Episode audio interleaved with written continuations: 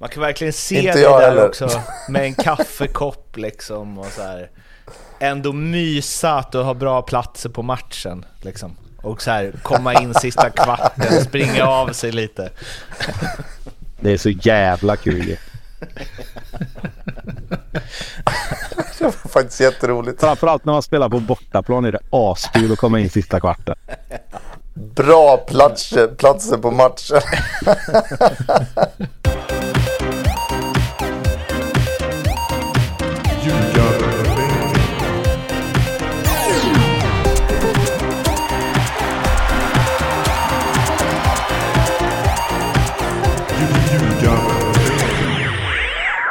Det här är Ljugarbänken i samarbete med Betsson. Det är sista avsnittet innan uppehållet. Så eh, det blir väl... eh, Vad säger du Tobbe? Ska vi satsa på tre och en halv eller? Tre och en halv. Timmar? Alltså ha timmar menar du ja. Ja, ja. Inte öl. Jag trodde du menade sidklev. Tre och en halv poäng. Ja, precis. Ja, jag var, fan vadå tre och en halv? Ja, nej, Ja. vi ska väl kunna hålla det eh, till minst en och en halv och högt två, tycker jag. Ja, vi är där vi brukar hamna. Tycker att vi eh, börjar med eh, Hammarby Brommapojkarna eftersom det var längst sen. Men också för att Ljugarbänken hade en otrolig bemanning på den matchen faktiskt. Både du och jag var där Blomman. Mm, en på varje kortsida om jag inte minns fel va? Exakt. Jag, jag på plan, alltså inte inne på plan om det var någon som trodde det, utan utanför reklamskyltarna men planhöjd och du högt upp på kortsidan. Är det där du har dina biljetter? Mm, det är högt upp som, som gäller för min del på kortsidan där ja. Jag var, jag var uppe och sprang på den avspärrade kortsidan eh, mitt emot där uppe. Eh, vi gjorde en filmgrej och eh, fan vilken bra... Jag tror aldrig jag varit, alltså i klackar har jag varit, men jag har aldrig varit högst upp på kortsidan tror jag på en fotbollsarena under match. Nu, nu får man, och när jag såg att du stod där, nu får jag ju en förståelse för din oerhör, dina oerhörda matchanalyser. De tveksamma matchanalyserna. Nej, men man får en jävla överblick alltså. ja, eh, man ser väl hyfsat bra det. Men samtidigt var ju liksom i Halmstad förra helgen och, och då står man nästan i nätet bakom målet. Det, det är ju skillnad på det där alltså. Ja. Hur eh, föredrar ni att eh, kolla matcher, Tobbe, Lasse?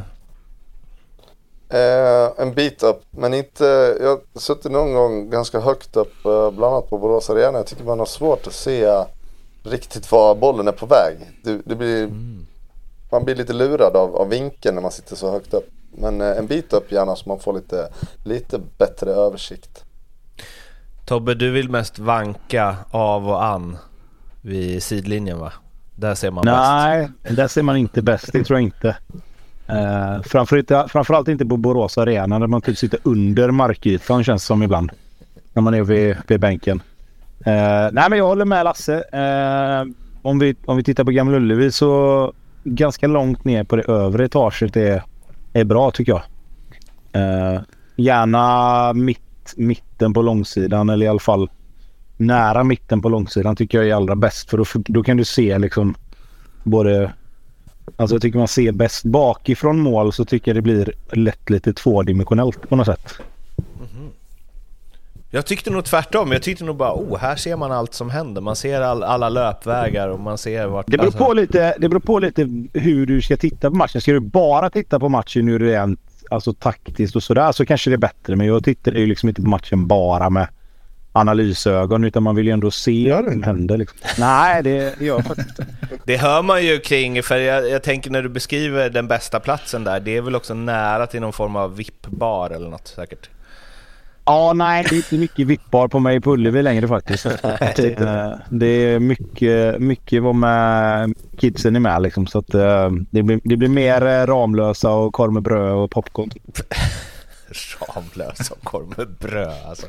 Ja, eh, men Hammarby BP då, jag stod ju precis bakom eh, Sidklev där när han eh, drällde in eh, Berishas, eller Berisha, Besara skott.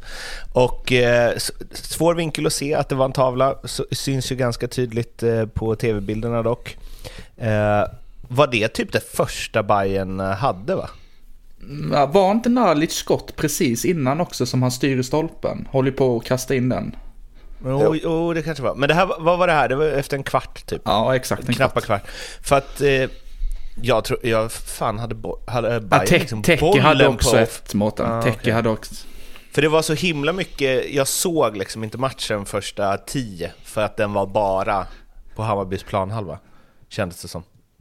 Ja, alltså BP börjar ju klart bäst. Eh, tycker jag. Visst, Nalic har det skottet och Teki har en, ett bra läge också, men det känns ju som att BP kommer ut bra och sen Besara skott 1-0 och sen så växer ju Bayern något enormt efter det målet. Eh, är min känsla i alla fall. Men så konstigt att, eller där fick jag, det kanske var för att eh, nu har jag sett BP två gånger i och för sig. Eh, Det är laget jag sett mest på plats i, eh, i årets allsvenska. Men det är, de är liksom så bra som tabellen visar typ. Känns det som. Alltså det, det är inget konstigt liksom att BP, för det sitter någonstans i ryggmärgen att bara här ska Bayern ut, köra över Brommapojkarna, nykomlingen och så. Men rätt naturligt att de eh, inte gjorde det. Till en början i alla fall. Alltså jag ja, jag tycker att BP är så bra som, som den poängskörden de har.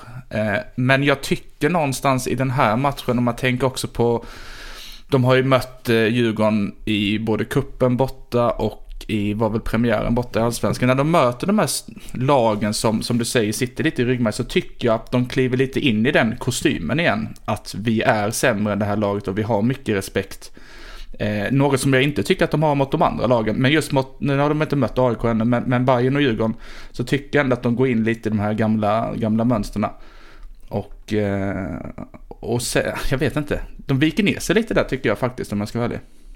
Helt enorm skillnad, alltså eh, avgörandet i var 95 eller vad det var. Enorm skillnad på vad eh, det gör inför det här uppehållet, tänker jag, med Hammarby. Alltså, Nej, nej, Man men ser alltså- ju eufori rakt av när Ja.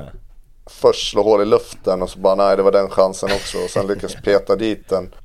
Uh, ja, man ser ju vilken total lycka det är från alla. Sadikus reaktion var rätt stark där. Han bara skrek rakt ut, rätt ner i gräsmattan. Liksom. Men det är väl också, är det inte lite första, första grejerna de får med sig också som är liksom... Jo.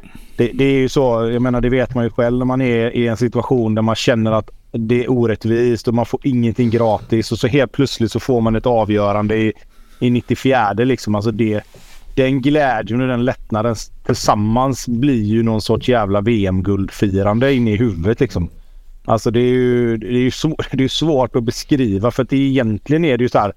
Ja men 2-1 mot BP, ja visst men men det, det tänker man ju inte på de första 10-15 sekunderna där. Utan det där är, ju så, där är man ju så jävla glad så att det går ju liksom inte att, att komma på någonting som är bättre just där och då. Liksom. Men, Sen gör det ju jävligt mycket med ett fotbollslag som du är inne på Mårten. Okej nu är det uppehåll men att gå på uppehåll med en positiv känsla eh, kontra 1-1 eh, och liksom inte riktigt fått ut det man ville kanske. Så det- det är klart att Bayern kommer ju växa med det här. Helt säkert. Men Blomman, vad tror du det gör för hela, alltså Marti och eh, ska han vara kvar och vilken väg ska vi gå? Hjelmberg som sportchef där till, alltså hela det, det blir ju någonting, det blir ju ett annat ingångsvärde när man, alltså på grund av det målet i sista minuten. Nej, men blir det- alltså, jag vet inte, jag tror skillnaden mellan 1-1 här, oavsett om det var så att BP egentligen hade skapat nästan ingenting och målet de gör, det skottet är liksom på väg ut mot långsidan, eh, men går in ändå. Så skillnaden på 1-1 och 2-1 är är ju typ omöjlig att beskriva. Den är ju så stor så, så det liknar ingenting. Nu går man liksom in som ni säger i ett, ett uppehåll, Hjelmberg tar över samma dag. Det snackas om att Jansson kanske ska sluta lite tidigare än sista augusti som var sagt från början. Erabi får göra sitt första mål i allsvenskan, hela den biten. Marti kvar lite. Jag tror ju att Marti kommer vara kvar. Jag hoppas att Marti kommer vara kvar. Eh, jag är inte säker på att han hade varit kvar Vet ett. Så, så sjukt tror jag faktiskt att det är här. Det tror inte jag heller. Sen ska man ha klart för sig... Ja men fortsätt. Förlåt. Nej, men jag ska bara säga, man ser också på jag har aldrig sett Marti lämna, det, vad heter det, den tekniska zonen eller vad den heter där, nere vid, vid tränarbänken eh, och firat mål. Han körde ju, han körde ju Mourinho-löpet ner mot, mot Erabi och hela ligan där nere. Det säger också en del om, om hur, hur pressat det har varit. Han förstod ju också hur viktigt det där målet var för Ja. hans jobb antagligen. Ja, ja, så är det ju. Sen, sen, är, det ju sen- är det ju lite så här att okej, nu, nu tog man ett litet skutt upp i tabellen. Du får de tre poängen är, är jätteviktiga. Men man ska också ha med sig att Bayern har en match mer spelade än de lagen som är där. Och vinner Mjällby och Sirius sina matcher, då ligger de 11 efter 13 matcher liksom. Så Mm. det är ju fortfarande visst.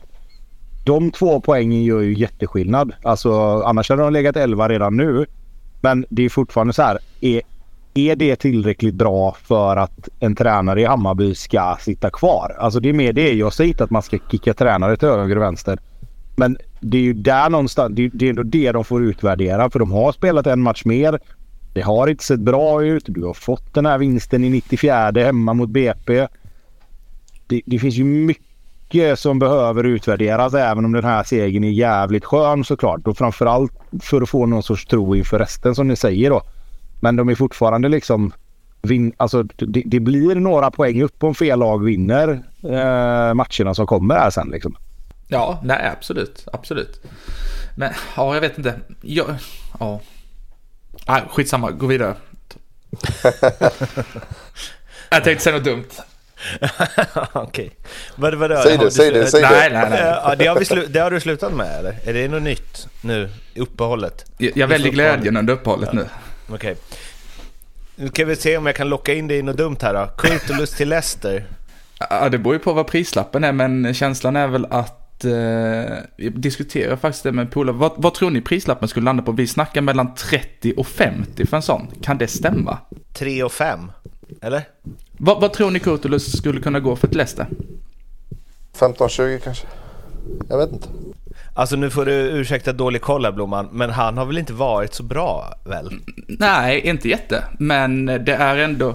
Det är ändå Leicester och en landslagsman.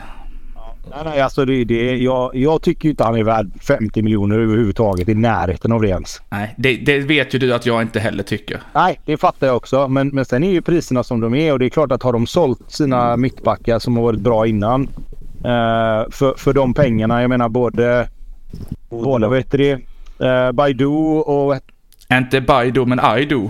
Aidu. Ja, Bai, nej, Baidu, förlåt. Just det. Aidu heter han. Eh, och, Odilon. Odilon. Assis också. ja, precis. Så det, det är klart att de kommer försöka lägga sig där någonstans. Eh, men då har väl också Hammarby, rätta mig om jag har fel Blomman, men då har väl också Hammarby legat med i toppen va? Alltså det har väl varit lite mer, alltså i alla fall Ja, närmare toppen eh, än vad det har varit nu. Odilon Vad sålde gick- de ju nästan innan säsongen började. Så, Vad ja. gick de för då? Men de var väl runt tri- 30-40 också, har det inte varit det? Ja, jag, kom- pff, jag är dålig på att komma ihåg det där, men det är rätt mycket till slut blev det för de där allihopa. Men där, då tror jag att man kan upp och nosa på de siffrorna. Men så här är det Det också. Får de 3 miljoner euro så ska de ju ta det tycker jag. Så här är det ju. Kurtulus är född 2000. Har kontrakt till och med december 31 2025. Alltså han har en bra bit kvar. Om Leicester då vill ha en landslagsmittback som ändå är liksom på gränsen in och har varit. Det är också beroende på att det har varit dåliga mittbackar i svenska landslaget. Men så är det ju. Då tror jag att man kan få 3-4 miljoner euro för en sån gubbe. Jag tror det. Och då ska man ta det också. Allt över 10 miljoner euro tycker jag de ska ta absolut. Sen ska man givetvis försöka trissa upp det. Eh, Det är så solklart. Jag såg på Twitter någon som hade gjort kris-svenskan. Eh, och det, vi har ju varit lite där med den här stafettpinnen och sådana grejer.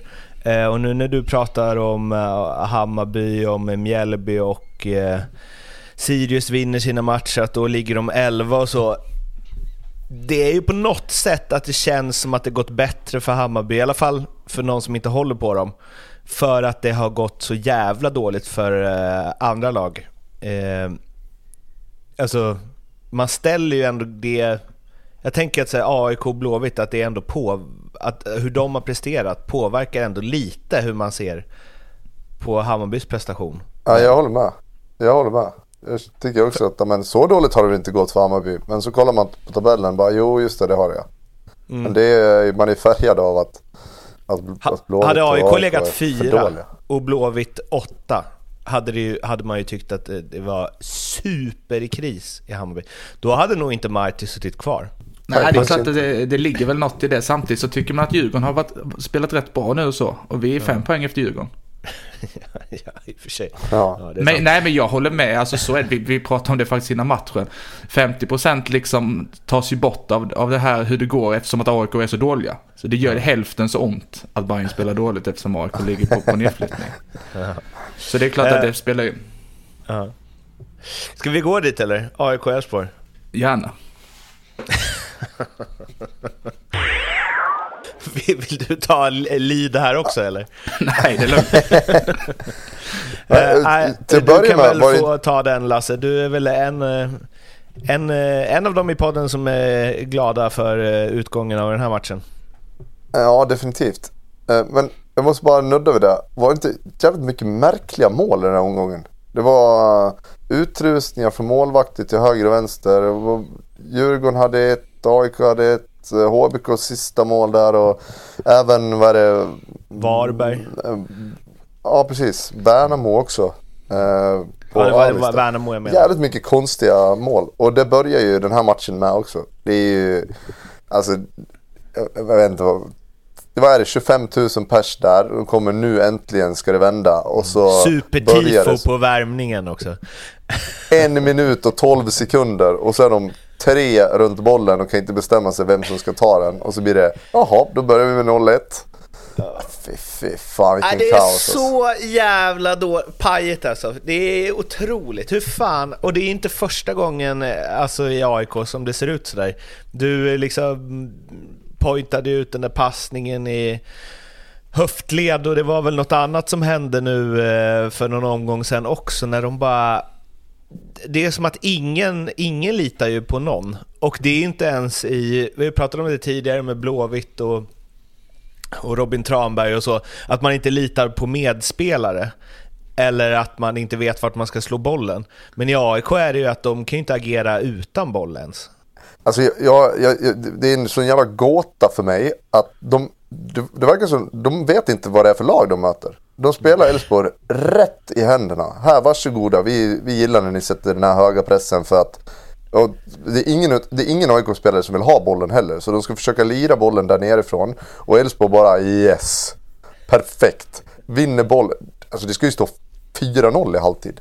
Det, det, det känns som att Elfsborg går på lite halvfart till och med. De blir nonchalanta och känner att det här är för enkelt. Och sen till slut blir det lite nerv i matchen ändå. Men eh, ofattbart hur man kan, hur man kan eh, liksom spela ett motståndarlag så i händerna som de gör. Sen är det klart att starten på den matchen gör väl inte saker och ting enklare. Men, men det är, jag tycker det är så många tillfällen när de försöker, de ska börja bygga. Eh, de hamnar bara i panik för det är ingen som vill ha bollen. Så skickar de någon, någon lite längre boll.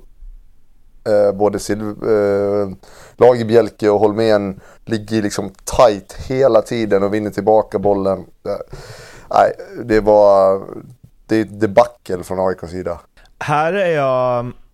Vi var, det var ju något avsnitt sen då vi pratade om att AIK kanske inte är bättre och så vidare och där jag eh, var ganska starkt att, det var, att de har en dålig trupp och att spelare är på nedgång och så vidare.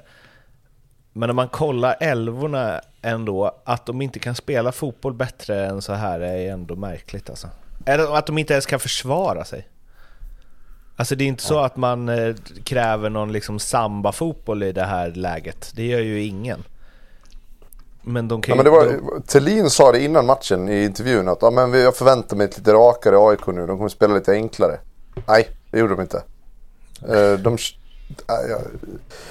jag, kan förstå som AIK-supporter att man är ruggigt frustrerad. För att det, det är inte mycket de, de liksom bjuder upp till.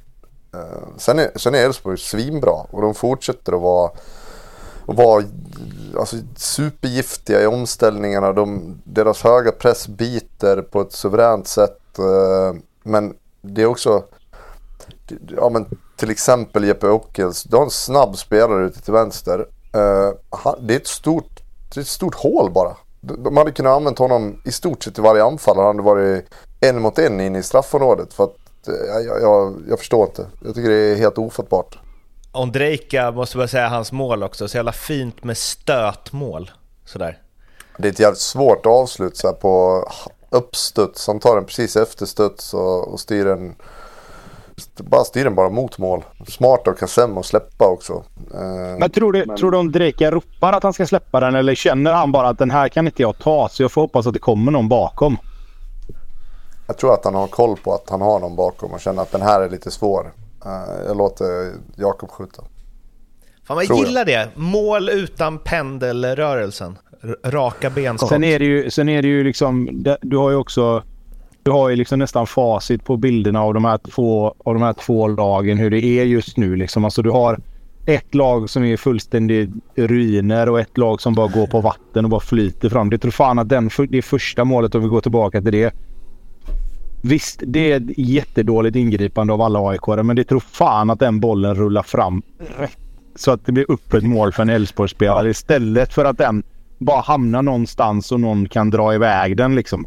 Mm. Och sen kan jag tycka lite grann, visst nu ska inte jag lägga det på, på Robin 10 men kan inte han bara, alltså där vill man ju bara se att han kastar sig in och hockeytäcker liksom. Och försöker göra någonting. Han, han ställer dit en fot liksom och det är klart att han försöker ta bollen men fan lite mer desperation där och kasta sig in så kan han ju faktiskt få den på sig liksom. Men det är liksom inte, de är liksom inte där. Det är, det, ja, vad ska man säga? Det, det blir, de, de försöker och försöker och försöker men det blir liksom ingenting av det. Men är det, med den laddningen innan så tycker man ju att de ändå borde, alltså de borde ändå ha det, vi, vi krigar liksom. Sen så, så hör man ju ganska ofta att när du kämpar som hårdast så ser det som mest lamt ut för att du bara springer. För du springer lite grann i blindo liksom. Mm. Alltså, Nej, nej, alltså det, det, är den, det är ju den tröttaste, den tröttaste kommentaren som går att få som, som spelare. Liksom det här med att man ska visa hjärta och visa inställning. För att jag kan lova dig att det finns ingen spelare i AIK som inte kämpar. Som inte försöker göra sitt bästa. Men när det går som det går nu, när självförtroendet är där det är. Så blir det att man tvivlar och istället för att våga ta två steg fram så backar man ett steg. Det är exakt det som händer på första målet. De Nordfeldt tror att backen ska spela hem den. När han märker att han inte gör det, då backar han för att få in den i straffområdet. Och så märker han sen, nej fasiken, den kommer inte komma in i straffområdet. Och det är samma ute på plan. Du försöker, du tänker, ska jag sätta press? Nej men fan, jag vågar att jag kanske blir bortspelad. Och så ser det ut som att man står och inte gör någonting istället. Och jag kan lova att det, det, är liksom, det är inte inställningen, det är inte liksom hjärtat för klubben det är fel på. Det är dåligt självförtroende. Det, det är en kanske dålig matchplan, eh, liksom otydlig matchplan, otydlig spelidé. Jag tror helt ärligt inte att AIK-spelarna liksom går ut och bara nej, idag så tar vi det lite chill liksom. Alltså så. Sen, kan man, sen kanske man kan kräva liksom, och det har jag sagt förut också, då får du ta någon alibi-löpning kanske. Du får ta någon jävla 30-40 meters rush upp målvakten för att visa liksom. För då kan du också få igång publiken lite. Mm. Det är som en tackling i hockey. Ja men lite så och, och det är klart att det, det, man kan titta på massa olika saker och det är klart att det är lätt att sitta och säga att ja men gör si eller gör så. Men det jag kan absolut lova det är att det är ingen spelare där som inte försöker. Alltså det, det, är ju, det, är ju det enklaste man kan göra att man försöker i alla fall. Men, men det som jag tycker kan... är märkligt är det, det, det som är den stora frågan. Det är så här, man, vi har ett lag som är helt under isen. De har inget självförtroende. Spelarna mår inte bra i situationen. Det är dessutom en hel del skador och så vidare. Borde man inte bara förenkla? Så andra halvlek då byter han in Gretti och så, då blir det två anfallare. Nu ska vi spela, vi ska få lite mer tyngd där framme och spela lite rakare. Men varför gjorde ni inte det från början för? Uh, sätt dem inte i situationer som de inte är trygga med. Uh, och, och, definitivt inte mot ett formstarkt Elfsborg. De, de älskar ju när de försöker att, att spela boll på egen planhalva och få vinna den högt upp. Liksom. Så att, eh, jag kan inte riktigt förstå den tanken. Men det blir lite så att stå stånga huvudet i, i väggen och tro att men, snart så, det ska gå, det ska gå. Jag läste någon tweet om... Jag kan hålla med om det, men sen vi, vi, vi kommer säkert komma till det, eller i alla fall blir väl jag som får komma till det sen när vi ska snacka om Blåvitt där. Men alltså oftast är det ju så här att när man pratar om att ja, men vi måste back to basics liksom. Alltså det, du måste tillbaka till det enkla, lite mer naiva och sådär. Och så, då, då blir det liksom, då, då menar man per automatik nästan alltid att man ska gå tillbaka till 4-4-2. Och spela med två anfallare och liksom hela den biten. Men det, problemet är ju att många av de här spelarna, många av spelarna som spelar i Allsvenskan idag, för de är ju inte tillbaka till basic 4-4-2 långa bollar och, och, och liksom kämpa och kötta. För att hälften av de här spelarna som kommer upp nu, de har ju aldrig spelat 4-4-2. Alltså det, det Nej. spelar man Men det var, ju- det var ju inte riktigt så jag menar heller. Utan jag menar ju att du ska riskminimera. Och framförallt på egen planhalva liksom. Nej men absolut. Men, men jag menar mer att ofta är det ju det man... Det är ju det, det, är ju det alla går till. Liksom, att även supportrar och även liksom back to basics, jobba hårt. Liksom så här. Och, och jag tror att där, det, där får man nog också revidera sina tankar lite kring vad som är back to basics. För det är inte samma sak som det var för oss. Jag menar hade du och jag spelat när, när vi lirar liksom och de hade sagt till oss back, nu ska vi gå back to basics. Ja då är det 4-4-2. Lite längre spel, rakare spel, jobba därifrån, vinna andra bollar, inlägg och så matar vi in bollar i boxen liksom. Då hade man stängt av tvn.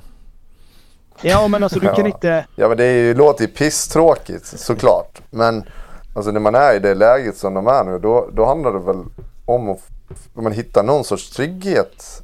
eh, Och känna att ja, men, vi släpper inte in mål efter en minut i alla fall. Nej, nej exakt. Men det, men det var det jag skulle komma till med mm, det du sa att inga, alla kämpar alltid. Men kan det inte bli, alltså även om man vill ge allt och man vill kämpa och så, när det blir liksom, det blir sånt dräll efter en minut. Alltså, och liksom Fischers reaktion, vi kan komma till det på den här passningen och så. Att det, att det blir någonstans en känsla, att jag kan tänka mig att flera spelare har en känsla att så här, fy fan vad dålig den och den och den är och den gör si och så fel och att liksom energin går ur en så att undermedvetet så kämpar man ändå inte lika hårt eller liksom det är ingen idé att kasta sig i det läget eller det är ingen idé att offra något där för vi kommer ändå fucka upp det. Eller, jag tror Tobbe satte huvudet på spiken. Alltså just när du, när du, när det sprider sin oro. Så då måste du hela tiden tänka på vad det är du ska göra. Och börjar du tänka, ska jag gå in i press eller ska jag inte gå? Jag vill inte bli förbispelad. Alltså då tar du de där hundradelarna eh, extra för att eh, du ska hamna lite snett på det. Så du kan springa runt en hel match. Och alltså springa som en dåre och ändå inte vara nära nära att komma in i press eller nära att, tajma en löpning. Liksom. Utan det blir bara ett jävla springande utan att fylla någon funktion egentligen. Jag läste en eh, tweet från någon eh, AIK-are som skrev att haveriet började redan när vi tog guld 2018 va? 19? Ja. Eh, när folk inte var tillräckligt nöjda med den eh, typ av fotboll vi spelade. När vi skulle börja spela roligare. Att det var liksom början på raset. Att man inte bara, nej men nu vi har vår AIK-grej. Och det, vi har ju pratat lite om det att jag menar att det är en ny inriktning. Vi sa ju i- inför avsnitten, det är det offensiva AIK nu. Mer än någonsin. De har väl ändå dragits ditåt de senaste åren, men nu att det verkligen blev tydligt. Och jag vet inte om, eh, om det var en sån eh, väl, eh, vad ska man säga, om de har liksom genomfört det enligt en bra plan eller om det bara varit så här, nu ska vi spela roligare fotboll, vi eh, anställer en tränare som ska stå för det eller värvar spelare som ska stå för det. Men det är ju svårt att ändra någonting som sitter i väggen, även om det är kanske ett trött uttryck ibland, men som en klubb har gjort i många, många, många, många år. Hur det än har gått för AIK så har man ju alltid pratat om att defensiven sitter i alla fall. Ja, men också, alltså, jo, det, och, det, och det är klart att du kan ju inte alltid... Det är ju det farligaste som finns att leva kvar i det här. Så här har vi alltid gjort. Men du måste ju, du måste ju ha kvar en liten bit av det. Alltså du måste ju liksom om... Vi, vi har pratat om det här med AIKs DNA, att de ska vara jobbiga och att de ska vara defensivt solida. Och det är där AIK alltid har varit. Liksom. De har varit jobbiga att möta. varit grisiga att möta. Du vet att när du kommer till Friends eller när, när AIK kommer till dig så kommer du få jobba liksom. För du får ingenting gratis. Du kommer inte få någon målchans liksom, liksom om man säger presenterad för dig. Utan du måste jobba hårt för att skapa målchanser. Och I år är det ju silverfat efter Jo, minut. men jag menar mer att det, Alltså. det behöver inte nödvändigtvis betyda att AIK ska spela liksom eh, 4-2 4-4-2 eller 3-5-2 eller 4-3-3. Liksom. Det, det kan man ju göra, men du måste ju ha, du måste ju ha en grundstomme som fattar att det hårda arbetet måste komma först. Alltså du måste ju ha en centrallinje så som AIK alltid har haft i alla år när de har varit bra. Så de har haft en centrallinje som har förstått det. Att vi måste gå i bräschen. Vi måste göra det hårda jobbet. Det har varit allt från liksom Bilal Hussein, Sebastian Larsson, Kristoffer Olsson. Liksom, du kan gå ännu längre bak i tiden när det var alltså ännu mer... Liksom, även sån som Celso Borges var ju liksom... Han kunde ju gnugga i första hand och sen när matchen hade satt sig då tog han tag och gjorde det som han var bra på.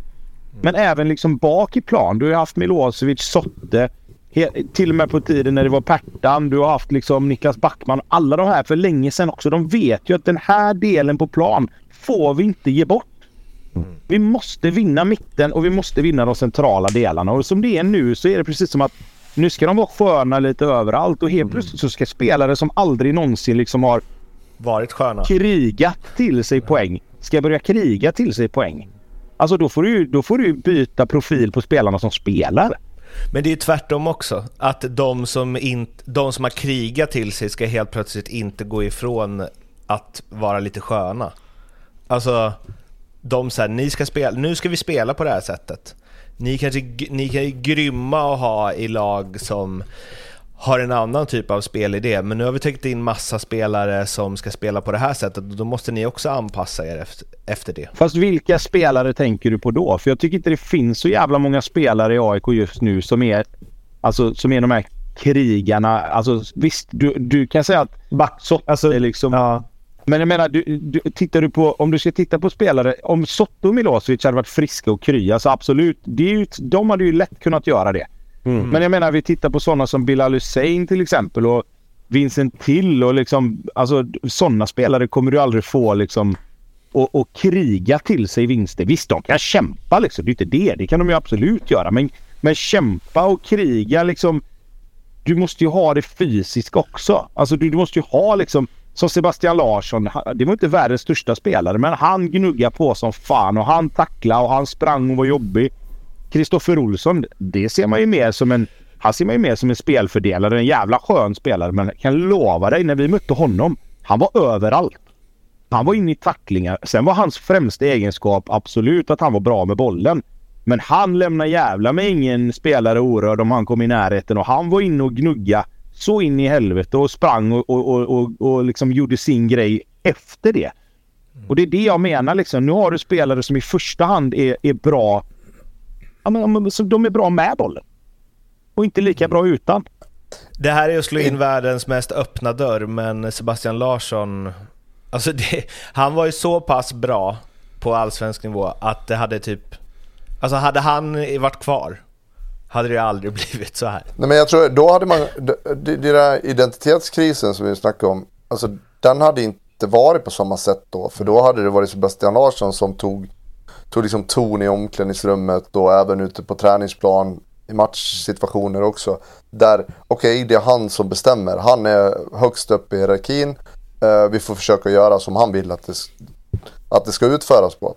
Eh, den kravställningen som kommer med en sån typ av spelare, den saknar de ju definitivt. Och sen då i en ombyggnation lite grann där de inte riktigt vet var de är på väg så, så blir det ännu mer tydligt att man, att man saknar någon som går liksom i bräschen verkligen.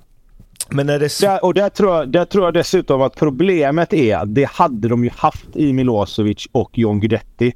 Om de hade varit friska och, och liksom varit på den nivån som vi vet att de, eller som vi kanske trodde att de skulle ha i sig. För då hade den, då hade den växlingen gått att göra du, då kan du plocka bort Sebastian Larsson för jag är rätt säker på att en sån som John Guidetti kan göra samma saker om han hade varit på plan och presterat så som man trodde att han skulle göra. Men när han då inte har varit på plan och när han dessutom då inte har presterat då är det också svårt för en sån spelare och en sån person att ta det ansvaret. Mm. När Sebastian spelade då var han ju, all, alltså han var ju alltid på par minst liksom. Sen kunde han göra grymma matcher och han kunde göra lite matcher där han kanske inte syntes lika mycket. Men det, han var ju aldrig han var ju aldrig dålig liksom. Och då kan du också ställa de kraven på andra spelare. Om du gör allt som du ska och du och gör rätt för dig själv först. Men där är ju problemet för AIK nu att de spelarna som skulle göra det nu när Sebban och Lustig la ner. De har ju inte kunnat göra det. Nej, jag håller med. F Fischers eh, utbrott efter en, eh, vad han tyckte var en dålig passning. Är det det finns alltid två läger där. Och vinnarskallar, han vill vinna, han bryr sig, han kämpar. Och att så här, mm, inget jättebra tecken va? att man gastar så på en lagkamrat för en bortslagen passning? Nej, det kanske det inte är. Samtidigt så är det ju någonstans det där de behöver också. Eh, det, det är beslutsfattningen i det. Eh, han, han lackar ju ur och det är frustration i, över hela situationen såklart. Men där såg väl han en möjlighet att men, vi kan faktiskt göra 2-2 om jag får bollen här. Du tog fel beslut, du får höra det. Eh, sen, sen tror jag man väg, det där är, det tar inte så hårt som folk kanske tror. Eh, jag tror att eh, Fischer sa förmodligen efter matchen bara sorry för att jag gormar men vi måste ta bättre beslut i de här lägena för annars kommer vi inte ta några poäng. Och så är det förbiblåst liksom. Rätta mig om jag har fel, men det blev väl lite mer uppståndelse kring det eftersom det var väl han, Viktor Andersson, 18-åringen, mm. som, som fick skapan mm. dessutom. Och det, och det är det jag menar, om han är så inne i det där Fischer så att det inte spelar någon roll vem som slår den passningen, eller hade han gjort exakt samma sak om det hade varit Jimmy Durmaz? Nej, det hade han ju inte. Nej, jag är inte lika säker på det. Jag tror Victor Fischer är liksom Alltså ut, utan att liksom eh, så, men han, det, det, är en annan skola där liksom. Jag tror de är lite rakare i kommunikationen. Det har man ju lärt sig att danskar och liksom både från tränare och spelare, de är lite rakare i kommunikationen. Jag tror inte nödvändigtvis att han tänker på vem det är utan han tycker att han ska ha bollen där. Han får den inte, han ser ett bra läge försvinna. Och bara liksom tappar det liksom. Dels i frustration över att han vet att han själv inte har varit jättebra men han ser väl att här hade jag ett läge att få den. Jag tror inte, jag tror inte det hade spelat någon roll. Sen kanske han hade liksom slutat lite tidigare. Möjligtvis om han hade märkt att det var en annan etablerad spelare. Men jag, jag tror bara han, han är så inställd på att få den där och han, han hinner tänka liksom. Får jag den här nu så har jag ett jätteläge. Uh, så så det, det tror jag inte nödvändigtvis spelar någon roll vem det är. Sen är det lite olyckligt att det är en 18-åring då. Men samtidigt liksom, vad fan det där. Det där snackar man ju igenom i så fall. Om man tycker att det blir ett problem så snackar man väl igenom det efter matchen och så är det borta liksom. Alltså fan sånt där händer ju. Sånt där händer, det händer hela varje träning liksom. Alltså, man flippar på, på någon som inte ger dig bollen. Sen är det, får det vara bra efteråt liksom. Det är klart att topplocket går, men jag alltså, intalar inte mig att, att, han inte hade strypt sig själv om man sett att det var Domas. Alltså här, direkt hade han ju liksom. Alltså Domas hade ju vänt på, på en femöring och gått till han. Det hade, ju, det hade man ju kunnat betala bra för att se den ja. duellen. Alltså jag, jag, jag kan bara tala för mig själv. Jag hade inte gjort någon, någon, någon skillnad i det. Utan besvikelsen över att jag inte fick bollen och inte fick chansen att göra det 2-2 målet. Det, det hade inte spelat någon roll om det var vem det var. Sen möjligtvis då att man kanske hade kommit på sig själv efter en stund. Ja just det, det är han. Jag får nog tagga ner lite. Men, Men är, det ett, är det ett bra... Jag skulle nästan säga tvärtom också. Liksom. Sen har jag alltid varit kanske för snäll. Men alltså just att det är en ung spelare får man ju också ha med sig i det läget. Och där tror jag liksom att man hade säkert liksom pass, ge mig bollen liksom. Men, men sen som du säger Lasse, sen hade man ju tittat okej okay, det var en ung kille och fan ja, låt det vara. Och då hade man försökt bara, men skitsamma kom igen ge mig den nästa gång liksom. Men jag tror bara att det är skillnad i kommunikationen. Det är lite skillnad i, i, i liksom mentalitet också där tror jag bara. Är det ett sundhetstecken att han gör det trots att han var dålig själv? Eller, för, det, det, för det är ju så det liksom surret blir bland supportrar. Så här, kom inte och gapa på våra egna produkter när du är liksom vår stjärnvärvning som inte gjort ett skit sen du kom. Nej, fast det där är, det där är också svårt. Liksom, för då, då, då får du dra det, då får, då får du dra det liksom ännu högre upp. Ska man aldrig kunna ställa krav på någon annan då om du inte är bra själv? För då blir det jävligt underligt. För jag menar, säg att du har en lagkapten som ändå är bra. Och så har han en lite sämre säsong. Ska han då inte kunna ställa samma krav på de andra spelarna bara för att han själv är, har en lite sämre period? Alltså någonstans får du, du får ju liksom ställa de kraven du har kommit överens om att du ska göra och sen vem som ställer dem. Om det är en 19-åring som säger till en 25, 26, 27-åring att fan du måste ta löpningen hem där. Du kan inte bara stå och, liksom och skita i den. Det ska inte behöva spela någon roll så länge det inte är liksom att man gapar och skriker. För jag menar passningar och sånt kan ju alla missa men du, du ska inte behöva fundera på om du ska kunna ställa krav utifrån hur du själv presterar eller inte. Sen kanske du får välja hur du liksom framför den kritiken kanske på ett Nej. sätt. Jag är helt säker på att Fischer hade ju, om, om, om han hade valt att passa bollen till Fischer för att slå, slå en dålig passning så hade han inte fått en utskällning för det. Utan det är ju besluts delen i det som han lackar ur på. Och det måste man också komma ihåg, alltså stå och ställa sig och skrika oavsett om det är på en ung kille eller på en äldre spelare. Alltså missa passningar gör ju all, alla. Liksom. Det, ska han ställa sig och skrika vad fan varför passar du inte bättre? Det, det kommer han inte att göra. Men däremot när du tar fel beslut så då kan ju topplocket gå. Liksom. Avgå Brännström.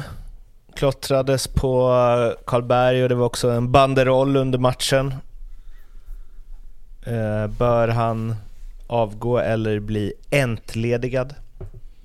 Ett ord man sällan använder utanför fotbollen. Svår, vi var inne på det för några veckor sedan. Jag har svårt att se att han ska orka. Eh, även om de inte... Alltså, han såg rätt färdig ut i intervjun ja. efter matchen igår alltså. Alltså likblek ut och... Men han ser knäckt ut. Och det, och det är väl inte så konstigt. Nej. Alltså... Eh, som för alla som håller på med, med fotboll och säkert i andra idrotter också. Man, man lever i sporten och det, det går liksom inte att koppla bort när man kommer hem när det går sådär dåligt. Utan det, han ligger ju vaken på nätterna och han försöker hitta lösningar och eh, brist på sömn, brist på resultat och allt vad, det, allt vad det innebär. Det är klart att han mår skit i den här situationen. Liksom. Ja, och så ska det bli liksom varmaste sommaren på, eh, i Sverige på fem år. Det är väl bara att ta ledigt va? Hoppa på något annat kul sen istället. Det finns säkert något, vad brukar de ta vägen? Kroatien eller så? Eh, Åk ut i skärgården och sätt dig på någon ö bara och softa. Exakt. Eh, per eh, Frick. By, in och utbytsrekord var han och nosade ja. på såg jag. Ja, det, den här känns... Det är, det, först och främst är det rätt sjukt att de vid två tid, tidigare tillfällen har bytt in honom och så har han blivit skadad. Då undrar man ju kanske lite vad, var han tillräckligt frisk för att ens vara med i den här matchtruppen? Eh, och sen nu, det roliga med det här, det var ju att äh, det var planerat. Men det känns ju också bara som en grej, det säger man ju för att slippa... Slippa... Ja, exakt. Uh, för det har jag aldrig varit med om i alla fall. Det är något nytt. Thelin kanske har något på spåren men alltså vi byter in han här i 20 minuter för att han ska göra det och det och sen byter vi ut honom igen. Det är planerat. Uh, ah, känns uh, långsökt för mig. Men skulle det inte kunna vara möjligt eftersom han byts in i halvtid så försvinner inget bytestillfälle och de har fem byten numera? Ja, jag säger inte att det är omöjligt. Jag säger bara att det är långsökt. Jag har aldrig varit med om det innan. Um, um, det, det, är ju liksom... Det, jag vet inte, att det har funnits så här super sub liksom som Solskär och så vidare. Att han, han liksom utvecklas till någon som är väldigt bra under en väldigt, väldigt specifik sit, eh, liksom, situation av matchen. Per Frick, allsvenskans bästa mellan 60-50 och 80 minuten. Alltså... Ja, men det, det, skulle väl kunna vara en grej kanske, men att planera det, det är ju också helt, ja, det var planerat sedan innan, okej. Okay. Han brukar vara stark där. Den kvarten är han viktig. Men, för det är ju... Det, antingen så är det ju lögn, förmodligen. Eller så är det ju liksom en helt sjuk jävla överanalys av någonting. Att så här, ah, vi har sett data på att han är väldigt bra de här minuterna. Eller så här, under de här minuterna ska man spela på det här sättet och då, om man är i ledning och då passar han väldigt bra. Det är det konstiga att han, att, alltså, varför skulle man inte passa sen? Sista Mindre pollen mellan 45 och 75. Pollenhalterna sjunker där vid skymning. Nej men alltså det är klart, hans skadehistorik eh, den här våren har ju en del i det där. Eh, men, men ändå jävligt konstigt. Man kanske bara, det är sån där gamla klassikern du vet att bara, man har bara en kvart i kroppen. Varför måste den kvarten vara den sista? ja, verkligen! Det är fan... Nej, eh, det kan, de kanske har något där, det är nog med något på spåren. Det, det, borde man väl dela upp då, eh, tips då till alla tränare om, det, om eh, Tobbe nu är något på spåren här. Man borde väl dela upp det runt halvtid va? Då känns det som att man kan få en kvart att bli 20 i alla fall. Alltså grejen är ju att det, om man... Nu ska vi inte fastna här. jo, det ska vi redan fastnat här. Fan vad jag älskar när du... Eh, de få gånger du nappar på sånt där Tobbe. Ja men de leder ju med 2-0 i paus. Och det är klart att de tänker att AIK ska liksom komma ut och, och på något sätt då eh, göra ett försök ja, vad ska man säga, göra ett försök i början på andra halvlek liksom. Eh, och ja, men, ja, sätta någon sorts prägel på matchen liksom. Eh, Sta stark sektion det här känner jag. Mm. Kanske väljer att sätta in Frick och så ser man att okej, okay, vi behöver hans spelstil nu för att hålla stången här i början, första kvarten 20. Sen är han ju fan, han är ju ändå inne en halvtimme liksom. Alltså... Ja men återigen, det, det, kostar ju ingenting och de har väldigt bred trupp så de kan skicka in liksom Cooper Love sen så med. Ja, jag är inte helt omöjlig på att det, det kan Vi kan väl hoppas att det var planerat. Det är ju något helt nytt då Det är ju ännu bara ett bevis på att vi ska lägga av med fem byten och återgå till tre. För de hade aldrig gjort så här med tre byten. Exakt. Nej, men det hade heller inte gått att prata tio minuter om det då. och det är ofta vårt största problem att vi inte har saker att prata om. ah, det spånar inte loss på vissa grejer som absolut inte går att spåna loss på igen. Vi är uppe på en pace på fyra och en halv timme på det här avsnittet just nu. Ja, vi får snabba på det här nu. Ja, Kalmar-Degerfors. Bumper. Varberg-Halmstad. Bumper. Nej, Kalmar-Degerfors, ska vi säga något om det? Degen dåliga borta kul när lag med samma, som när man inte ser vilket lag som är vilket, typ på klubbmärket på avstånd möts också. Låg ribba för kul dock. Verkligen. Men ja. Eh, förväntat resultat? Ja. Ja, lite... Eh, skulle vilja kalla det lite målvaktstabbe på 1-0 och så får de den där starten de behöver, Kalmar. Eh, kul att himmet är igång och snyggt mål, snygg vändning. Eh, jag, jag vet inte riktigt vad vi vad Kalmar är tillägga. alltså, om de vinner nästa, då de har, för de har en mindre spelad än Häcken, då är de fyra poäng efter Häcken bara. Det är ju ändå... Och Häcken har gjort dubbelt så många, de har släppt in lika många, men Häcken har gjort dubbelt så många mål. Ja men Kalmar tycker jag, de, de smyger liksom med. Alltså, mm. ingen, det, ja, om vi tittar då liksom som vi sa med Hammarby. Ja, men så dåligt har det lite gått för Hammarby. Jo, men det har det väl ändå. Så här sa vi. Här är det så men så bra har inte Kalmar varit. Och så tittar man ändå liksom på tabellen och så bara, fan de ligger fyra. Det är riktigt jävla bra alltså. Alltså det, det trodde man ju kanske ändå inte med tanke på att Rydström försvann. Med tanke på att Oliver Berg försvann. Alltså de har ju, de har ju gjort en otrolig vår sett till resultaten liksom. Ja, smyger med är ju helt rätt för att eh, det känns inte som de ligger fyra, men det gör de ju. men, det, men, det, känns ju också som att de har haft en liten formsvacka också, för de började exakt, ju bra. Exakt. Och så tänkte man, ja nu tappade de. Ja. Det, det, det, det är kanske det att man har fastnat i att man fortfarande tror att de är i en formsvacka, men de har vunnit några matcher i rad nu. Ja, och sen är ju Kalmar sådana liksom att det, det, de gjorde ju det vi trodde att Norrköping skulle göra. Att de liksom, ja men de spelar rätt, rätt småtrevlig fotboll och de, de vinner någon match här och de är lite ojämna. Men de är ju inte det. Alltså det är ju det som är det sjuka. De vinner ju matcherna. Alltså många lag spelar något kryss här och något kryss där. Men, men Kalmar är lite så här. Ja men fan. Då, nu ligger de fyra verkligen. Ja fan det gör de. Men hur kan de göra det? Alltså.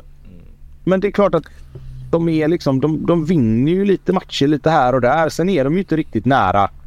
Liksom, de är ändå inte riktigt nära Häcken, Elfsborg och Malmö. Det tycker jag inte. Rent poängmässigt ja då om de vinner i och med att Häcken har en match mer spelad. Men det är ju ändå, alltså de tre lagen där uppe ska ju de inte kunna rubba. Alltså det, det, det ska ju inte gå liksom. Även om de slog Häcken då. Så, så tycker inte jag att där uppe bland de tre har de inte att göra i år. Utan det kommer ju bli de tre antagligen. Det skulle väl vara om Djurgården går på någon så här galen vinststrik som de skulle kunna kanske möjligtvis komma ikapp. Men jag har ju svårt att se någon annan än de tre som är längst upp gör upp om det. Men känslan, jag har ju inte känslan av, även om vi har sagt ah, Djurgården har liksom gått emot lite grann och så. Eh, jag har ju mycket mer känslan av att Djurgården och framförallt B, jag tror det, min känsla är att BP har varit bättre än Kalmar. Och att de borde ligga före i tabellen. Och definitivt Djurgården. Det är, men jag tror, som du sa, man luras nog av den där formsvackan. Det är inte att Kalmar har varit ojämna. Det är att de först var bra, sen var de dåliga några matcher och nu är de tillbaks på sp- spår igen. Är Liksom. inte det definitionen av att vara ojämn? Ja, Nej, men jag... Och sen är man dålig och sen är man bra igen. Ja, fast inte flera matcher i rad. Det är väl det. Alltså, för Norrköping känns mer som så här, åh nu kan vi liksom ta poäng borta mot Djurgården, men sen matchen efter så kan de torska 0-2 mot BP. Alltså, att det är från match till match liksom. Norrköping är ju facit på ojämn. Ja. Alltså, men jag, ja. Jag vi ska, väl, vi ska väl säga också Kalmar, om vi tar den här matchen då, det är ju, de vinner ju med ett nödrop. Minst sagt. Alltså det är en, va, vad är det för räddning han gör i, i vad är det, 88? Jag vet inte vem det är som avslutar men det är en ruggigt svettig räddning. Ja, men det är lite så här inspel på linjen i handboll och hoppar ut och flaxar typ. Det är en ofattbar räddning. Jag gillar att eh, hockeyreferenserna har gått över till handboll nu. Kommer sluta med bowling. Och det, om vi nu ska prata om det då, så fick väl inte... eh, Om vi ska ta en bowlingreferens så fick inte Blåvitt ner en enda kägla mot Sirius på 90 minuter. De, de, de testade inte så många gånger heller. Men det är, nu såg inte jag matchen men, och jag har kritiserat Discoverys highlights-paket förut. Men det var inte en, inte en enda highlight på, vad kan det vara, tre minuter var ju från eh, Blåvitt. Inte en enda. Nej. Borta mot Sirius. Alltså, nej, nej, de har ju inte ett enda skott på mål. Uh, sen har de ju, det är ju nå, något.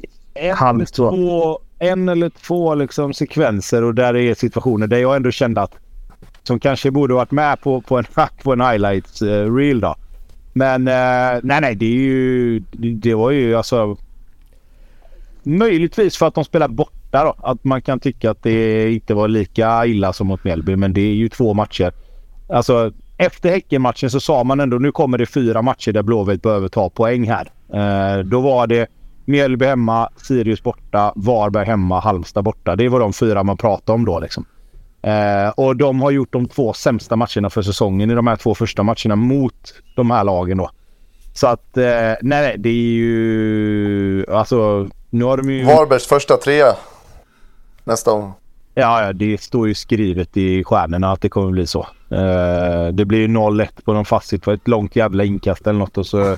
Tranberg kör en icing direkt i mål. Ja, men lite så. Dumpa ner puck bara. Nej, men det är ju alltså de, de är ju... Ja, det vet ju alla, men det är ju, de är ju riktigt illa ut alltså. Det är ju... Det är ju...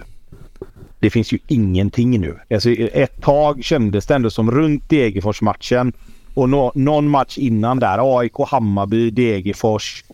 Eh, runt där så kändes det ändå som att här, nu, det finns ändå någonting att, att gå på här nu. Liksom. Det finns ändå en... Alltså de blev lite svårslagna ett tag liksom. Men så paj, gick Sebastian Olsson sönder och sen gick... Nu gick Emil Salomonsson sönder och nu finns det ingenting. Alltså... De har inte någon... De har inte en enda spelare i den, i den där elvan igår som kan göra någonting Knatsar i. Sirius. Nej, men de kan inte göra någonting på egen hand. Alltså de måste ju förlita sig till att de, att de spelar sig fram. Uh, och det, det gör de inte nu. Men då vill jag flika in med en grej där då. För jag är ju tidigare i podden hyllat deras självbild lite, att de har förlikat sig till skillnad mot AIK då. Tidigare och de liksom, vi är där vi är i den situationen, nu får vi lösa det.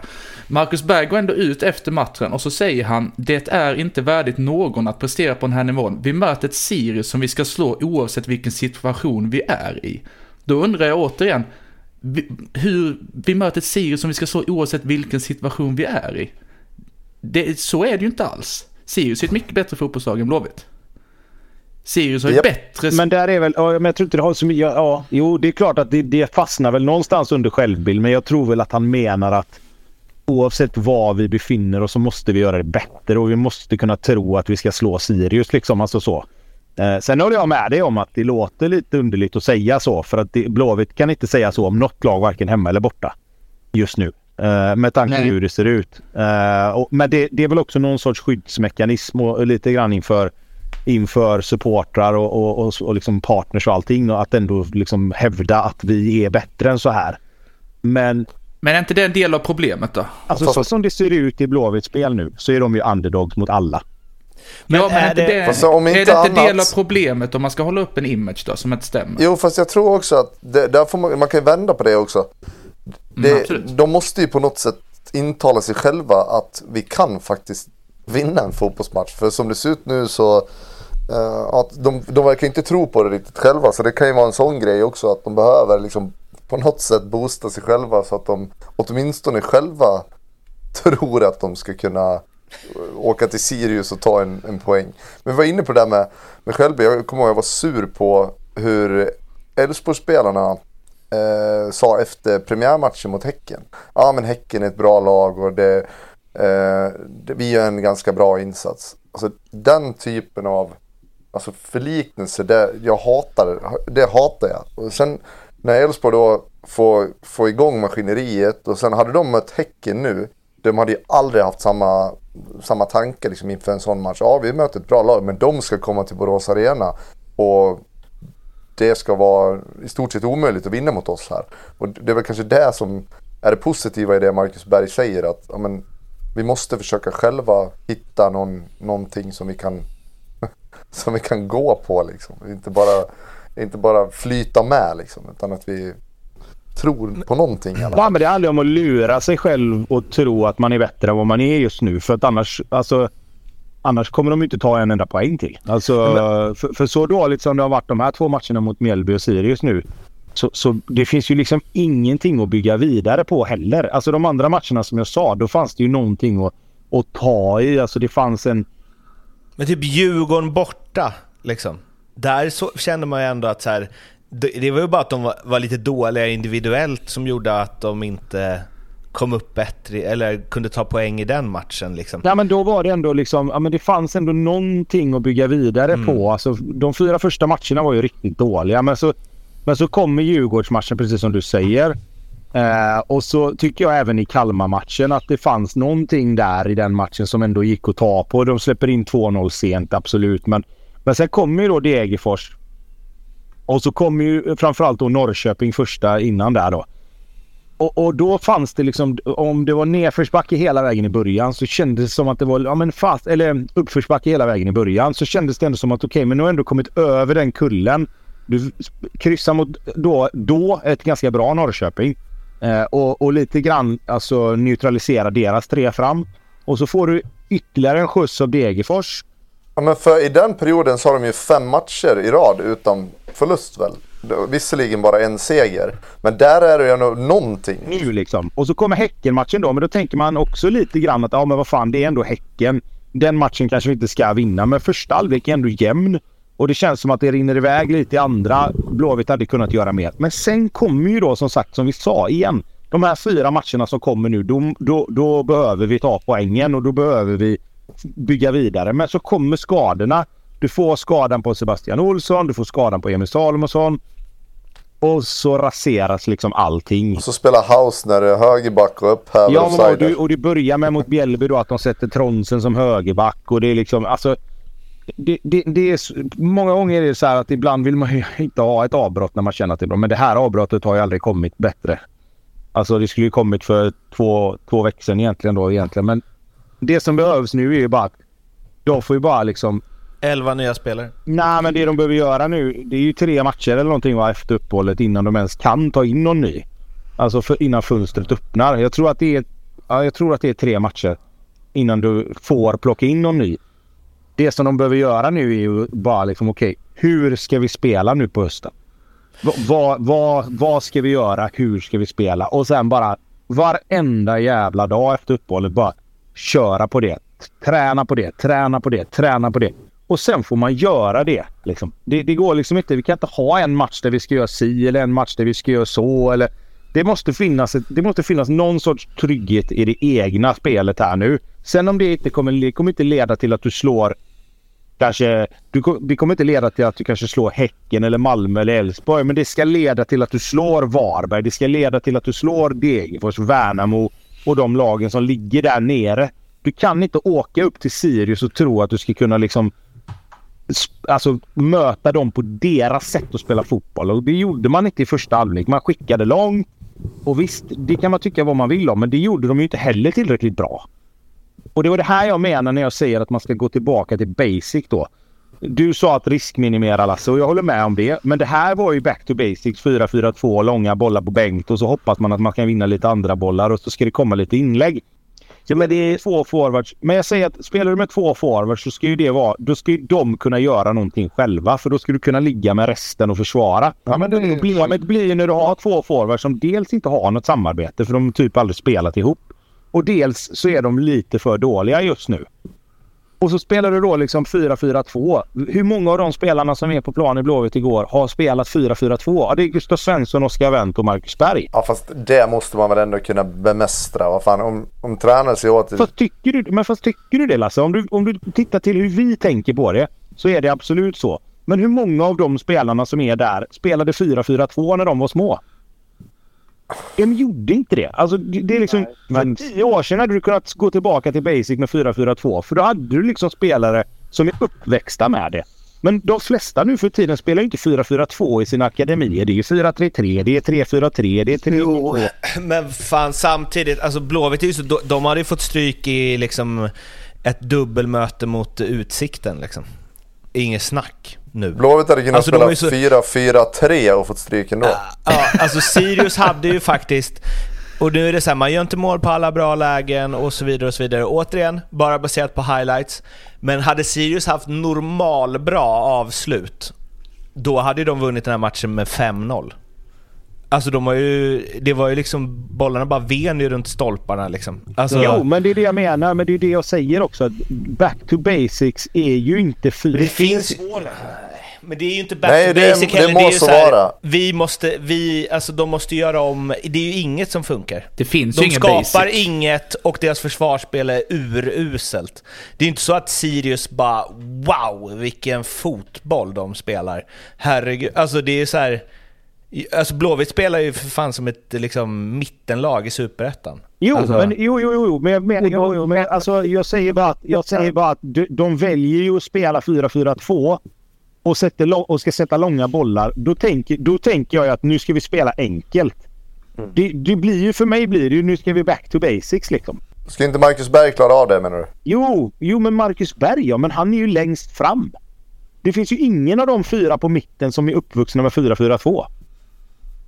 Nej men de är uppvuxna med fotboll. Du kan inte spela 4-4-2 med Tronsen och Hagen på mitten. Vilka, vem ska de ta bollen av? Nej okej okay då men då är det ju... Ja då kanske det är laguttagning som ska diskuteras istället för... Ja men alltså du kan diskutera hur mycket som helst. Alltså, det, det, alltså ja. jag tycker ska vi... som att... Mm. Men ska vi diskutera en annan grej då? då? Nya tränaren Jens Asko, eller hur man uttalar det. Eh, alltså nu, nu ska jag försöka gå in i rollen här som Blåvitt-supporter då.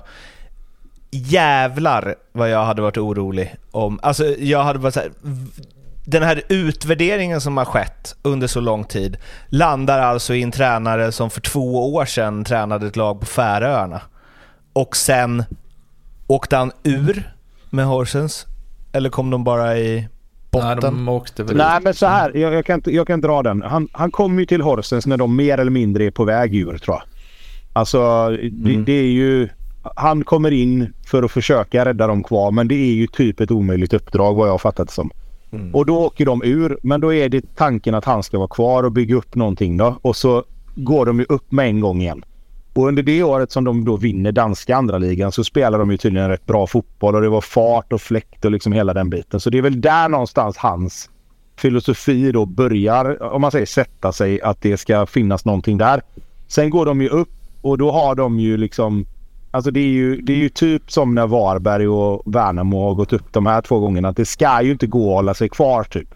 Uh, men det, och det gör de ju inte heller. Så det är det som blir problemet då. Att han åker ur två gånger varav en gång ordentligt då eller vad man ska säga.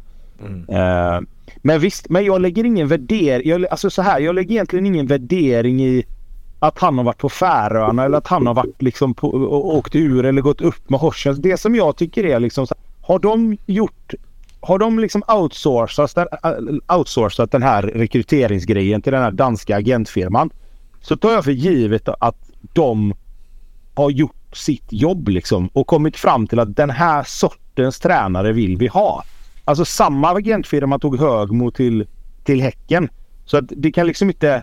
det, alltså det kan ju gå på två olika sätt. Det kan ju visa sig att det här är det bästa de har gjort. Men kan, det kan inte jag lägga på en match. Att okej, okay, han väljer att spela 4-4-2 och det är liksom, ja det kan man tycka vad man vill om och hela den biten.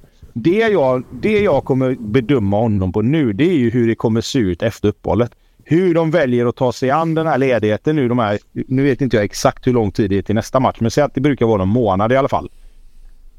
Det alltså, är ju det som är grejen nu. De spelar match den andra, jag tror den andra juli mot Halmstad va? På bortaplan. Den matchen ska de vinna. Det, då måste man se att det här har vi gjort under uppehållet. Det här har vi tränat på. Det vill jag se då. För att, hade det inte varit bättre att låtit honom, att låtit honom göra det som sin första match? Istället för att... Men jag tänker väl, jo, men jag tänker väl att, jag tänker väl att, de, att de tänker att det ska komma in en ny röst och så ska de kunna vinna Sirius-matchen på att det blir lite ny energi och ny liksom så här. Men det var ju inte alls så.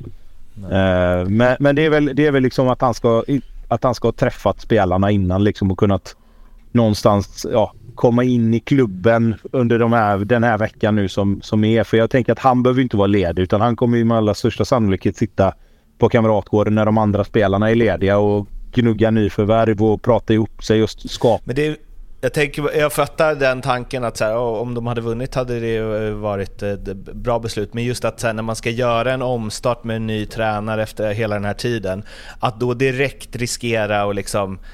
Han blir ju kantstött direkt i och med den här torsken.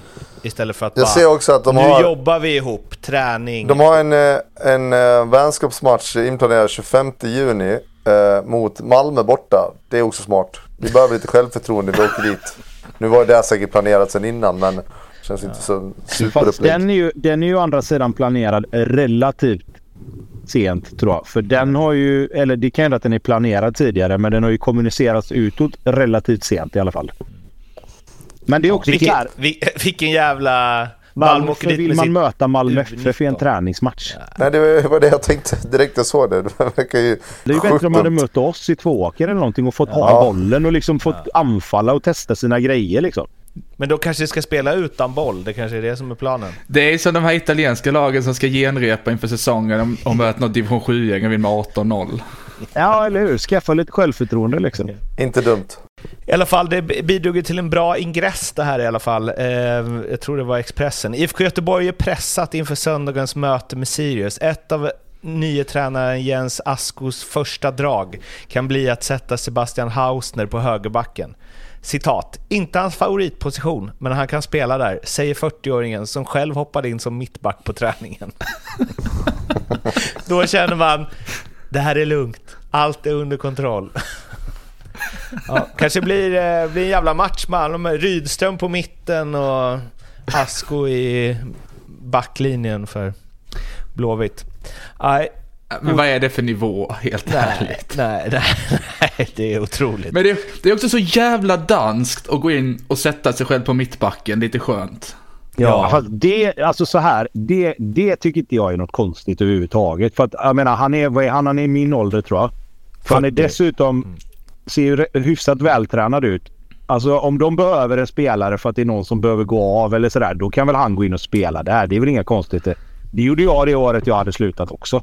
Och var med och spela och fyllde upp på, på träning för att slippa liksom spela med en man kort liksom. Vem... Ja, fast om du som ny tränare i då en stor klubb i Sverige som vi ändå får säga att de är. Då, så kommer du in så första träningen då är du med och latchar liksom. Det blir, jag tycker det blir pajigt om jag ska vara ärlig. Han hade ju också dragit en volley på Dahlberg i mål. Men... Eh, eh, det har ju någonting i alla fall. Alltså, fan får be Betsson. Odds på att Asko startar en match i år för Blåvitt. Tre gånger pengarna. Eh, åker ni ur Tobbe? Det är inte alls otänkbart. Om man, kollar, om man kollar lite snabbt, Blåvitt och AIK är i samma situation här. Och eh, det har jag också läst på Twitter, men det kunde man ju göra en snabb uträkning på själv också. Men Blåvitt och, och AIK, för att ta cirka 30 poäng och runt där, kommer vi behöva ta mellan 1,33 och 1,5 poäng på de resterande 18 matcherna. I snitt? Ja. ja, och det är alltså en resultatrad på 6-6-6 tyckte jag mig läsa till. Eh, kommer aldrig hända. Det är ändå, det, det är en rätt tuff Men uppgift. ett av de två lagen åker ju ur. Det är, jag har Ja. svårt att se något annat. Ja. Ja, ja, det är väl Degerfors emot. Och sen klara Ja. kval i så fall. Men ja, Ja, men nej, men det, tror du någon av de lagen, om de hamnar i kval, tror du de klarar det kvalet? jag satte, finns- det är bara för att sätta det i perspektiv liksom, när man ska räkna. Det ska ändå tas liksom 23 poäng, minst, antagligen. Mm. Mm. Tänk, tänk, tänk om, alltså nu är Varberg så otroligt dåliga, men tänk om båda åker ur. Tänk om de kommer sist och näst sist. Det hade varit det sjukaste. Utsikten går upp i sig. Alltså, Låt Ja. oss inte fastna där. Vi går vidare. Fast gå vidare. Glädjeyttringen från Blomman kring det. 10 juli, eh, Blåvitt Varberg på Gamla Ullevi. Ja. Be there or be squared. Ja, eh, Selmani ryktas in, såg jag nu. Är det taget? Mm. Just nu så tar jag det mesta ska jag säga. Han tar Asko som mittback också. Fan, vilken jävla...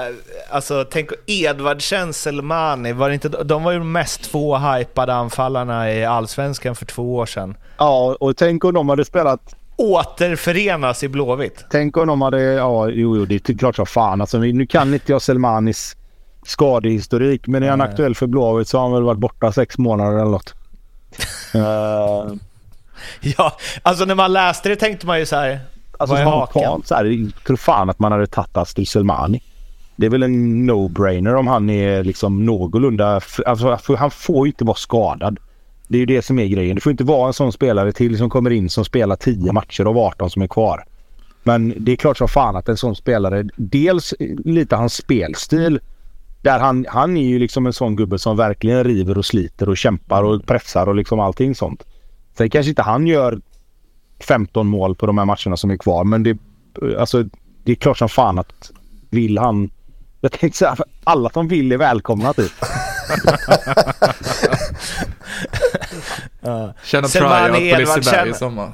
Selmani Edvardsen är ändå brutalt anfallspar i Superettan nästa år. Då går ni upp direkt i sådana fall. Häcken Mjällby. Men skulle Edvardsen och Selmani spela i Blåvitt efter sommaren så kommer inte Blåvitt åka ur. Okej, Det tror jag inte. kanske. Fast Edvardsen spelar inte i Blåvitt. Nej. Nej men jag sa om. Nu har det blivit dags för eh, spelsegmentet som presenteras i samarbete med Rekat och Klart. Och eh, nu är vi in for a ride här Blomman. Långtidsspelen ska eh, stämmas av i halvtid. Skämskuddar i, eh, i kvadrat finns kanske att ta fram. Nej, men, men, men så här. Måste vi, gjorde verkligen det här? Vi, jag, kan säga så här, vi alla sitter lite pyt på det emellanåt, så det, det behöver inte skämmas mer än så. Och inget kommer vara värre. Jag tror var det Värmdö förra säsongen som hade något med Levi som var stekt innan den ens hade Och han hade att. Levi skulle göra under fem och ett halvt mål va? Och det hade han ju typ gjort efter sju omgångar. Ja. Något sånt var det. Nej, men exakt. Så, så förra, förra säsongen så gick vi igenom det efter, när det var dags för uppehåll. Och eh, jag då tillsammans med eh, Pontus på Betsson gick i, i, i helgen igenom betygen och har även recenserat lite. Så ni får leva med att jag kommer stå, jag kommer prata om mig själv lite i tredje person. Eh, jag lägger den disclaimer redan nu så slipper vi ta det sen. Men du och Gretti det gör, ja, exakt. eh, betygen är i alla fall 1 till 5 där 1 är stekt, 2 mirakel krävs, 3 är lever, 4 så gott som hemma, 5 rättad och klar. Inga konstigheter. Inga konstigheter alls. Vi börjar nerifrån då med Varberg, eh, där vi alla faktiskt, helt sjukt egentligen, hade att Varberg åker ut till 2,50 och den har vi satt betyg 4 på, alltså så gott som hemma och skrivit att 12 raka matcher utan seger och Varberg parkerar på sista platsen. Finns just nu ingenting som talar för något annat än att Varberg spelar Superettan 2024. Spelet är så gott som hemma för samtliga.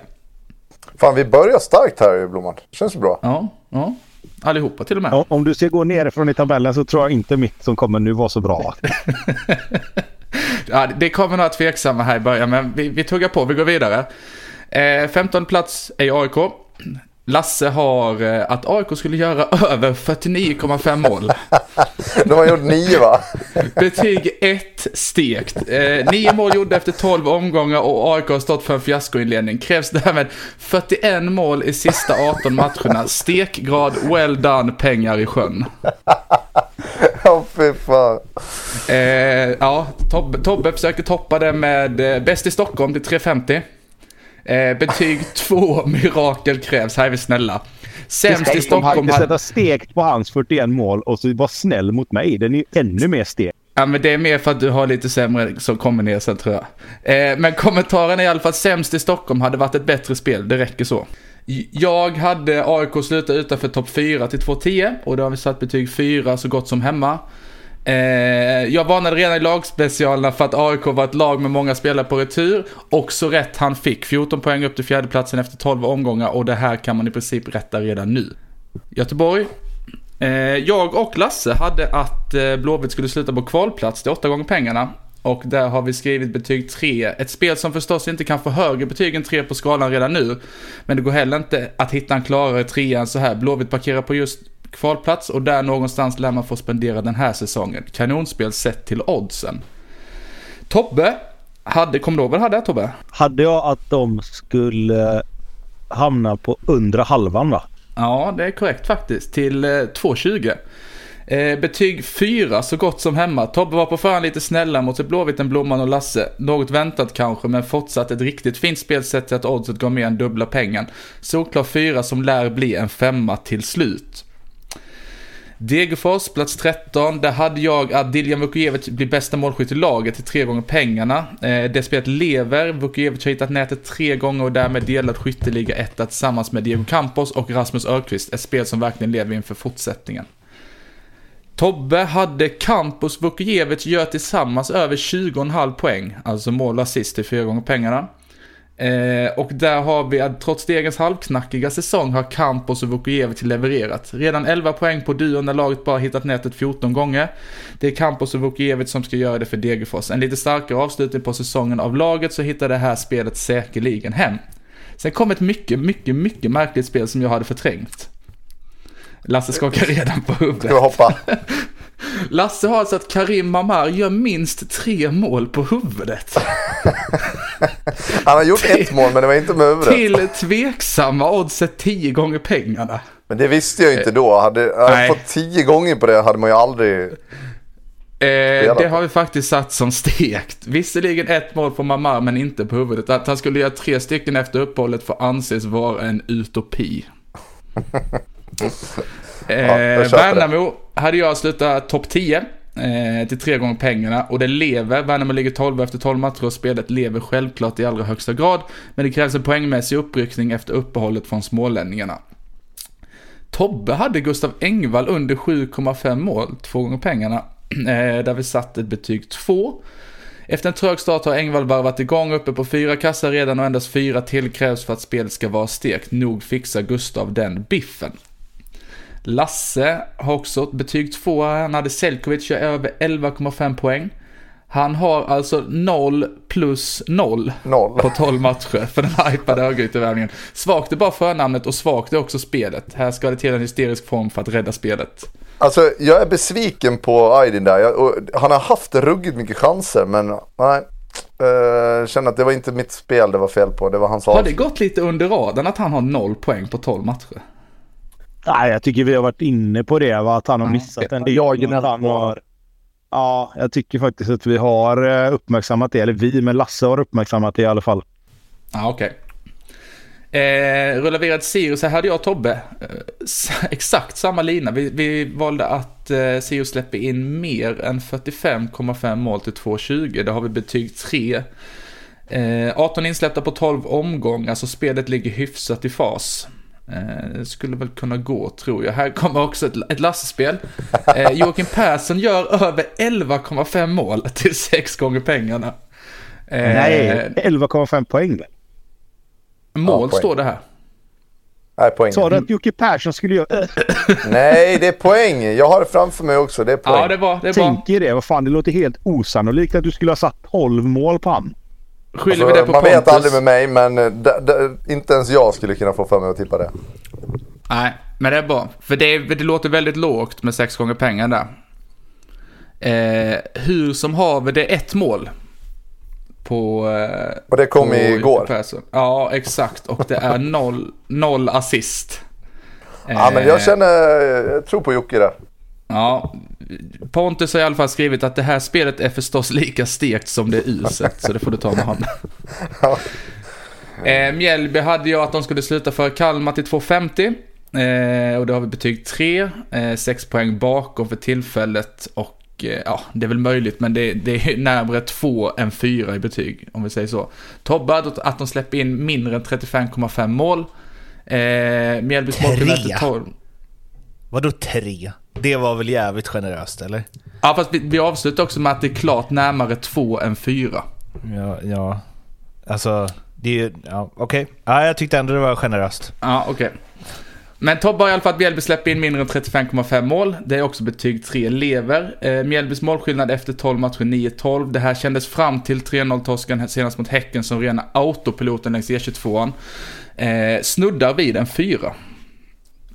Lasse hade att Mjällby slutar högre i tabellen än förra säsongen, vilket innebär topp 8. Också betyg 3 där. Eh, tre poäng upp till åttonde platsen i nuläget och här finns det hopp, men lär krävas ett ganska rejält injobb när serien drar igång. Klar trea.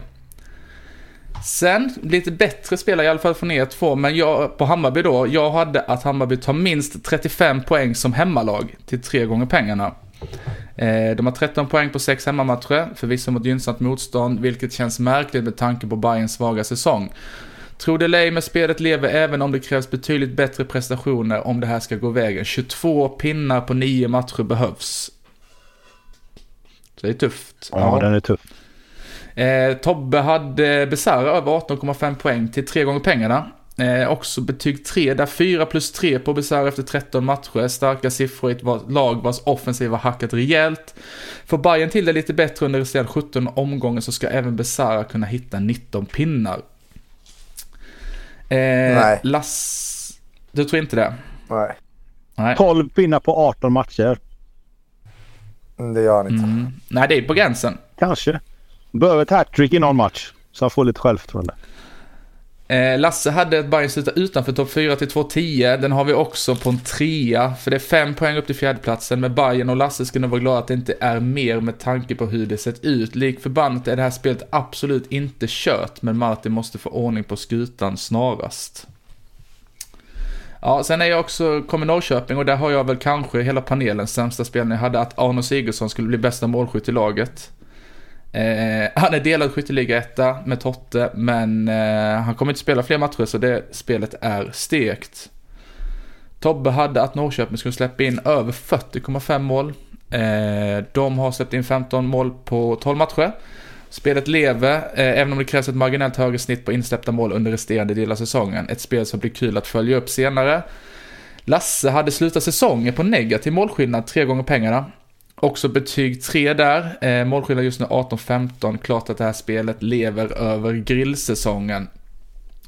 Halmstad hade jag jag minns mål i serien. Eh, där har vi Mirakel krävs, alltså betyg 2. Halmstad har visserligen bara fem mål fler än Varberg som gjort minst i serien.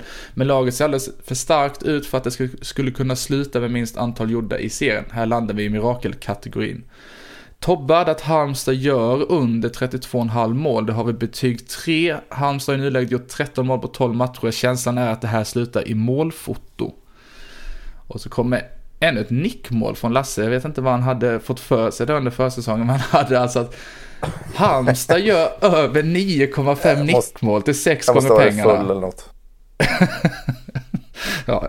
Eh, och där har vi skrivit mirakel krävs. Det här spelet var alltid ett långskott eller en långnick om ni så vill. Två av Halmstads 13 mål har kommit på huvudet. Åtta till känns väl föga troligt. Sen hade vi, har vi Brommapojkarna, plats 6. Eh, där hade jag att de släpper in flest mål i serien. Eh, och den har jag satt som stekt. Hade Linné fortsatt prenumerera på platsen mellan stolparna kanske det här spelet hade kunnat leva. Det är dock tveksamt eftersom Degerfors på egen hand har bestämt sig för att grusa alla förhoppningar. Degen har 34 insläppta vilket är 18 fler än BP. Tack för visat intresse.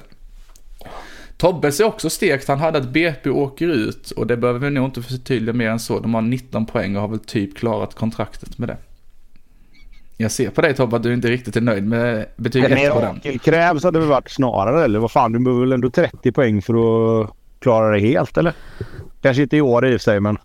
Ja, vi har nästan räknat in den faktiskt. Ja. Lasse hade att de släpper in över 49,5 mål. Eh, och där har vi faktiskt satt mirakel krävs för det är 16 insläppta på 12 matcher. Det är mirakel eller Linnér i kassen om det här ska gå vägen. Fan vad Linnér får skit alltså. Blomman, du gillar att vara på Linnér också. Det är, Ja, men det är faktiskt, det är, jag har knappt skrivit en rad här. Ja, okej. Så jag är lite oskyldig. Det är Men- podden eh, som helhet skulle jag säga. Mm. Djurgården, där hade jag att Jakob Bergström gör under 3,5 mål till tre gånger pengarna. Betyg, Tydligen är fy, fyra. ja, betyg 4 så gott som hemma. 86 minuter speltid och noll mål. Det här läste oddsexperten som en öppen bok. Finns inte mycket som talar för någon Bergströms succé under resterande del av säsongen. Det skulle vara om han byter klubb då. Tobbe hade att Djurgården slutar utanför topp 3. Oddsexperten. Ja, men det är inte jag som skrivit det här som sagt. Klart det är.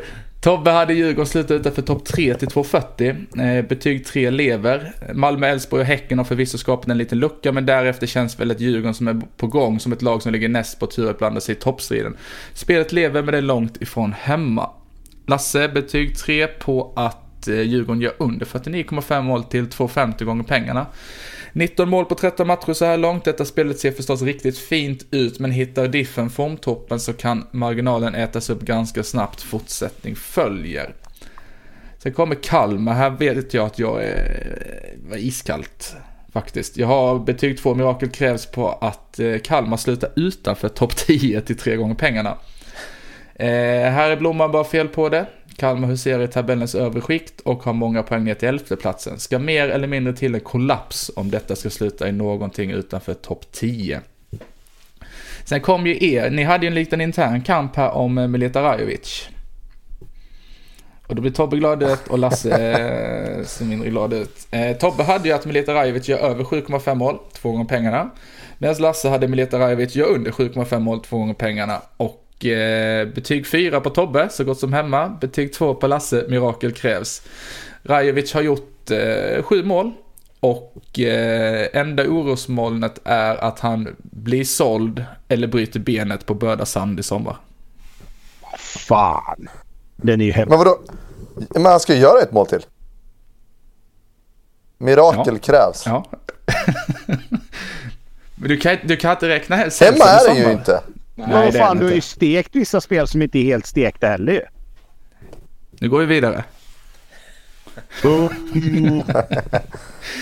Häcken så hade både du och jag Tobbe att de vinner guld till 5,50. Och det har vi bara, det lever ju. Det är inte mer, varken mer eller mindre. Det lever, de är tre poäng efter Malmö, en match mer spelad.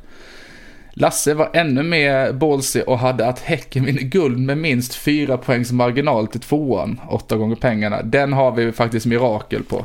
Eh, det ska till en ruggig höst och lite tapp från Malmö för att, och Elfsborg för den delen, för att den ska hitta hem. På tal om Elfsborg så hade jag över 9,5 olika målskyttar till två gånger pengarna och den är faktiskt redan hemma. 10 olika målskyttar redan och vi har vårt första och hittills enda rättade spel. Tobbe, Svein Aron Gudjonsen över 7,5 mål till 2,30. Lever. Eh, islänningen med öns bästa genpool, om det nu finns mer än en, har fått måljubla tre gånger hittills. För den som kvitterat ut ett godkänt mattebetyg betyder det att fem jubel återstår för att även Tobbe ska fira ett eldersmål. Prognos ganska god. Eh, Lasse har ju stekt sitt spel tyvärr, följetongen, om att eh, de inte skulle starta med samma lag två eller tre matcher i rad i Allsvenskan. Den stektes väl för ett par matcher sedan, var det inte så? Ja, men det höll rätt länge ändå. Oväntat Mm. länge. Det gjorde det. Eh, men återigen, tveksam motsättning när du fick två gånger pengarna på Ja. det spelet. Ja, men så här. Hade vi haft ett annat spel som hade varit borta efter nio omgångar så hade vi sagt att det var det sämsta spelet för året ju. Ja, Nu ska egentligen. det inte vara sån. Men det här, det här går ju liksom bortom alla ramar för det var ju lite kul faktiskt. Ja, det var svinkul men fortfarande asdåligt ju. Ja, det var fan asdåligt. Eh, sist men inte minst i alla fall Malmö. Och där har jag att Malmö slutar exakt 2 till 3.50. Där har vi satt betyg 3 lever. Eh, det är svårt att betygsätta ett sånt spel redan nu när de är uppe i toppen där. Tobbe, Isak Kiese över 12,5 mål. Eh, så gott som hemma, betyg 4. Monsterstarter Thelin som för vissa haft vissa skadeproblem mot slutet, men med åtta kassar i sportbagen känns fem till mer eller mindre Känns fem till mer eller mindre givet bra spel. Fan, den hade du varit femma på efter sex omgångar. Typ. Ja, om vi hade varit betygssättning efter fem omgångar hade du fått en fem på den typ. Eh, Lasse hade Taha Ali gör över 6,5 assist till tre gånger pengarna och den har också fått betyg 4 så gott som hemma. Trollkaren från Spånga har visat att han kan leverera även utomhus. Fyra assist hittills och känslan är att Rydström ger mer och mer förtroende. Det här spelet ligger väldigt fint i fas. Mycket och bra spel. Sist men inte minst är att vi har ju de här veckospelen som vi kör varje vecka. En dubbel, en trippel, vissa bättre förslag än andra. Så är det faktiskt så att Tobbe har satt 4 av 11. Lasse har satt 3 av 11. Och jag har satt 3 av 11. Tobbe har satt flest. Vi hörs i november. Ja, det gör vi. Ja, vi får se. Men så... Då kommer Rajovic-spelet också vara inne. Så är ställningen just nu i alla fall. Självklart så ska vi summera och räkna ihop de här spelen när eh, säsongen är över. Men nu har vi i alla fall en, inte en riktig halvtidsprognos, men nästan i alla fall. Efter 12 omgångar. Jag kan... Äh, Um, Va, vad känner du Mårten som var ögonen ute för vem har gjort bäst från sig, vem har gjort under sämst? Här, under det här segmentet har jag känt mig som Elias Hagen i Blåvitt eh, kommenterade att han kände sig under Sirius-matchen med tränarens, den nya tränarens taktik. Det kändes som att jag var ett tennisnät. Sa han det? ja, toppar Sportbladet nu. Bollen bara spelas över honom hela tiden. Så kändes jag lite nu. Det, ja. det vill man ha. Det vill man ha direkt, första matchen. Ny tränare. Stjärnvärvningen kommenterar att man kände sig som ett tennisnät. Jag tycker att ni är ungefär så bra eller dåliga eller eh, mittemellan som jag hade förväntat mig. Ja. Typ så. Betyg 3. Mm, ja. Närmare två än fyra, men betyg tre. Mirakel krävs. Mirakel krävs. Exakt. Häcken-Mjällby. Eh, Pontus Dabo, som väl är liksom andra änden av eh, det som händer i IFK Göteborg då. Eh, när man liksom kan skicka upp en 17-åring som bara går rätt in och är lika bra som alla andra offensiva spelare i Häcken. Ett mål, en assist i den här. Sonko trummar ju på också, får man säga. Rygård eh, kommer direkt i privatjet från eh, bröllop, sitt eget bröllop. Det är en förstås. fantastisk intervju. Har ni sett den? ja. alltså det är också så typiskt danskt. Jag drack inte så mycket alkohol. Jag var bara, jag gick och la mig vid tre, men det gick bra ändå det här. alltså för var, Hugo Larsson hade ju sin studentfest, tog ju studenten innan eh, Malmö mot Värnamo. Och Henrik Rydström sa väl så här, jag tror inte Hugo Larsson festar på det sättet som vi andra festar. Och han var ju såhär, nej men jag tog det ganska lugnt, jag gick och la mig vid midnatt. Men Rygaard är såhär, jag tog det ganska lugnt, jag gick och la mig 03. och drack inte så mycket alkohol. nej, exakt. Nej, Häcken är ju eh, harmoni, får man ju säga. Fan vad det är kul, hoppas de har flera sådana där 17-åringar som de bara kan skicka upp. Och som är lika bra som vem som helst i det laget. Det är ju också, känns som man borde nyttja det rätt mycket va? Nu. Alltså om du har en Dabo. Att så bara lira honom mycket även om det finns någon annan som är liksom bättre. Alltså det kan ju bli massa pengar. Fast riktigt han... så funkar det inte. Även om man gärna skulle vilja att det var så ibland. Så är det ju. Eh, alltså är de lika bra då kommer man ju spela eh, en egen 17-åring. Men är någon lite bättre så spelar ju han ända tills han inte är det längre. Mm. Jo men jag tänker att så här, det är matchningar i Europa och det är alltså att han ändå så här, man kan ge honom rätt mycket speltid.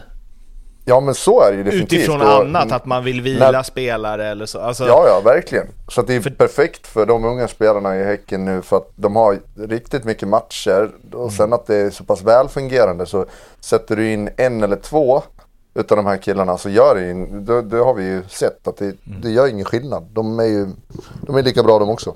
Eh, vi hoppar vidare. Djurgården-Norrköping. Där ju Norrköping gjorde det som, eh, alltså back to basic-grejen, men inte 4-4-2 då. De eh, tog ju bara, körde fembackslinje rakt av. Eh, och sen så var det ju som att Djurgården visste om det, men ändå inte riktigt nyttjade det. I alla fall inte i första halvlek. Men där gjorde ju, alltså även om det är tråkigt så, de hade ingen Sigurdsson, hade ingen Totte Nyman och bara, nej, vi ska, De inte, vi, ska, grisa. vi ska inte komma hit och bjuda upp till någonting. Nej, det var ju en klassisk bussparkering. Mm.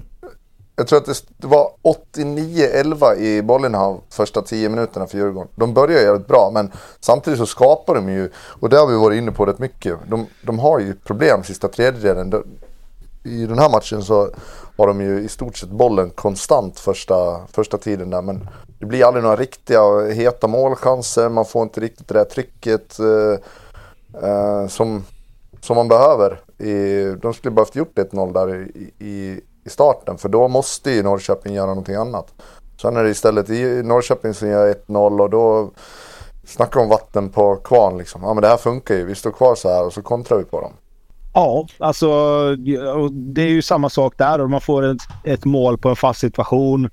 Behöver inte skapa någon målchans egentligen utan du skapar en fasta eller gör mål på fasta. Och det är sådana sköna mål att få liksom. Och det är klart att sen när andra målet kommer då är det är ännu skönare liksom. Det, det är ett bra avslut. Alltså det, visst, det är öppet mål och det är klart man ska kunna kräva av en allsvensk spelare att han ska göra mål där. Men det är fortfarande man har ett försök som har hamnat på 14 raden också liksom. Eller skjutit utanför och så vidare. Men det är två rätt goda mål att få med sig i en sån match när man har bestämt sig för att bara ställa sig. Liksom. Då kan du ju ställa dig med en, två gubbar till egentligen. Sen spelar ju Djurgården upp sig rejält och de eh, bör ju vinna den här matchen ändå. Sett till antal chanser och jag tror det är Falenius har tre lägen, Berg har ett superläge, det är någon nick också sådär så att att de inte lyckas eh, få med sig tre där, det är ju en ganska rejäl missräkning ändå måste jag säga. Vad känner du kring Falenius, Lasse? Ja, jag är fruktansvärt eh, sur på honom. jag är ledsen på honom. Eh, han eh, hade kunnat rädda mitt spel och inte bara det spelet utan något, något övrigt spel också. Men, eh, nej, han fick inte riktigt till det. En fin räddning men, eh, men eh, framförallt det första bör han ju göra betydligt bättre. När bara ska stöta den mot mål och lyckas, lyckas få den lite på, på klacken. En eh, socket som vi säger på golfspråk. Eh, så det, det var inte bra nog och det var även några chanser till där som de, de bör ta vara på. Sen eh, kanske då eh, att eh, man inte ska kräva allt för mycket av, av en eh, Falenius i det läget. Men eh, ändå sp- spelar han och hamnar i de situationerna Djurgården behöver ett tredje mål och ha tryck på Norrköping. Då behöver du också peta dit bollarna när, när chanserna kommer. Norrköping hade jätteläge också. Med fem minuter kvar. Ja, du menar Vito eller? Ja. Ja, det, det är i och för sig en hyfsad målchans. Det är ju jävligt bra. Eller så här, det var inget jätte... Det var bra. Ja, det var ju bra genomfört. Ja. Ja men missräkning för Djurgården och det är väl återigen sådär kan jag tycka att det känns lite uddlöst ändå. Uh, Asoro som kom in där i några omgångar och kände ja men fan det här, eh, det här känns lite spännande. Eh, nu spelar inte han ändå och inte gjort på några matcher. Jag vet inte om det är någon skadebit i det men men nej, inte riktigt den där kontinuiteten på de spelarna där framme och de får inte riktigt att stämma. Det är liksom Danielsson eh, som ska nicka in en hörna eller Sabovic som ska skjuta från 35 för att det liksom ska lossna lite grann. Tal Sabovic var bra för övrigt. Nicka in eh, hörnor. Lunds där gillar man. När han nickar ner på sin egen fot och in. Det är, Ja, det är timing. Det är Eh, snyggt. E- Edvardsen avskedsmiddag enligt eh, Kallbäck. Hans agent. Ja. Det är ju roligt att han, agenten lägger ut avskedsmiddag. Vi, jag såg Twitter gick i bananas. Men också om vi lägger ihop den plus eh, intervjun efter matchen så så är det väl ingen snack om att han går. Frågan är väl bara vart. Det var jävligt eh, oväntat att Bosse gick ut och sa jag kontaktade Blåvitt och kollade om de ville ha honom typ. Det var väldigt ärligt. Då står man inte högt i kust du. Men vad hamnar han då? Polen eller? lite där. Något sånt va? Det blir väl någon sån. Israel. Qatar. Cypern? Kan det inte bli något sånt? Ja, något sånt kanske. Något bortglömt? Det luktar i arabland. Gör det det? Ja det gör det. Jag vet, ja. Kallbäck har ju förkärlek till det, men jag vet inte om ja, någon som ska vilja ha honom också. Ja, nej det är väl det som är strulet där, att ingen kanske kommer vilja ha men vad fan, om de ger liksom Kanté 2 miljarder om året så kan de väl ge Två miljoner om året. Exakt. Varberg-Halmstad. En match där, eh, jävla speciellt avslut. Där Afonsi, som liksom, han har blommat ett år efter eh, Wernbloms eh, spaning kring honom. Eh, och Alltså så fylld av liksom energi, andra andningen efter att ha gjort mål-energi. Rusar allt vad han har efter avsparken, efter hans 1-1 mål mot backlinjen. Ska pressa helt själv då, ska han förstås pressa. Ingen följer med. Långboll miss, Halmstad gör 2-1. Känner Ja, med honom i det sjukt läget. mål. Ja, men det ska inte få hända. Nej men Stanisic ser ut som att han, han ser ut som att han liksom är ute och joggar.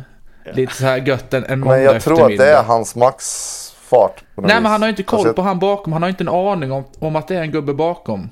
Och sen när han inser det så ska han sträcka sig och så lägger han den över egen målvakt. Det kan inte vara hans max för då får han fan göra något annat än att spela fotboll. Nej, det är klart det inte är det. Han springer ju bara och väntar på att bollen ska rinna ner till målvakt. Ja, exakt. Det var en liten överdrift men han är ju, alltså det, det är ju segt där i mittbackarna i Varberg. Det går inte fort för dem alltså.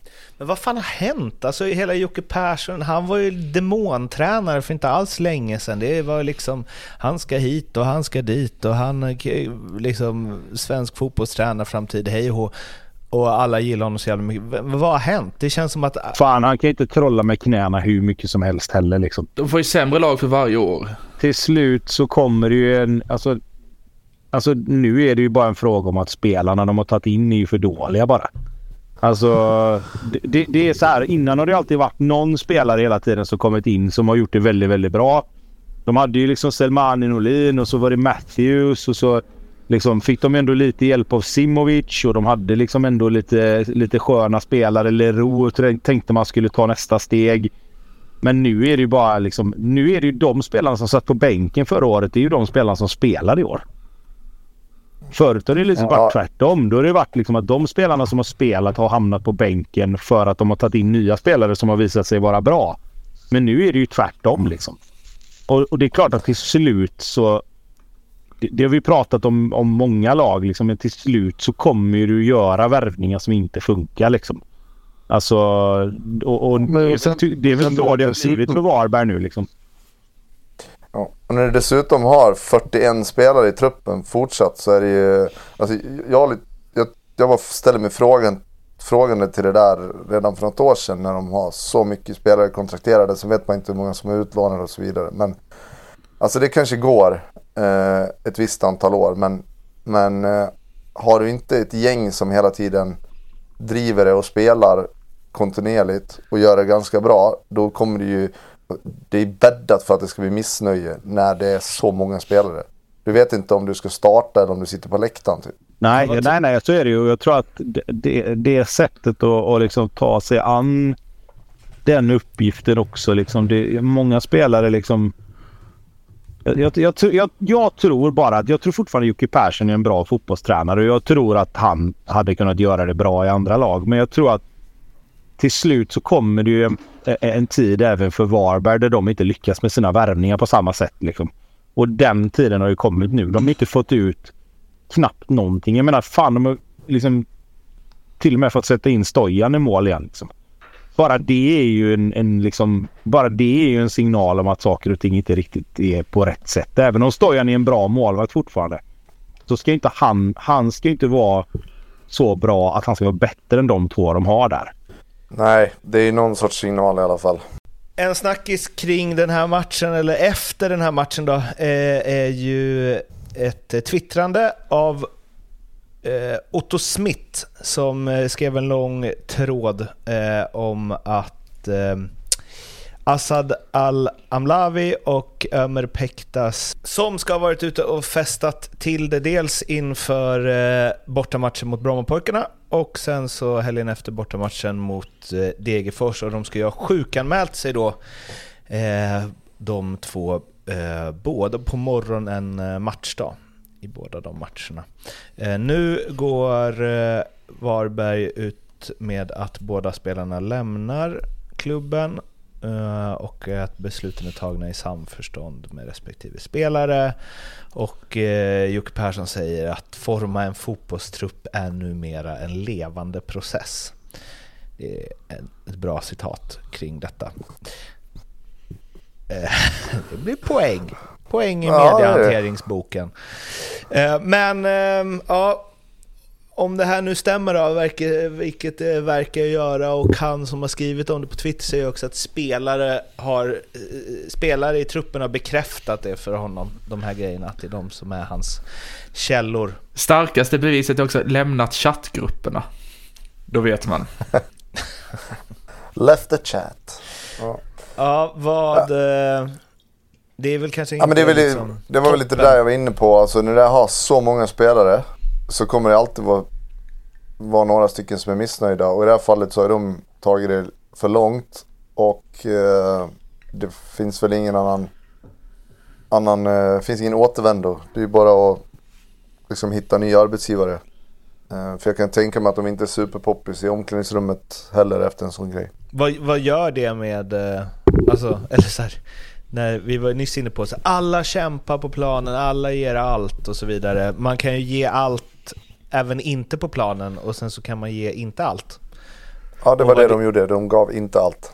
Nej, eh, vad gör det med en grupp? Alltså för det här har ju uppenbarligen hänt två gånger i. Alltså, det har hänt och de har varit kvar i truppen.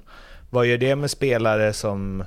Alltså man måste ju känna så här, vad fan, sparkar de bara? Ja. Vad är det här för Ja, och det säger ju också en del att det är då, om det nu stämmer, att det är andra spelare i truppen som har Mm. som berättat om det här. Då, då är ju en cry for help. Alltså skriv om det här, gör något av det här så att vi blir av med dem. Det är väl så man kan tolka det. Har ni varit med om något liknande? Ja, eller ja, jo, vi hade en, en liknande situation i England faktiskt. Eh, den blev väl också officiell där var det tre spelare som eh, som, eh, jag tror inte att de nödvändigtvis var ute dagen innan match utan då var det nog mer snarare så att de hade varit ute på lördag kväll efter match. Eh, men betett sig jävligt illa och det hade dykt upp videos och grejer. Eh, från det här då.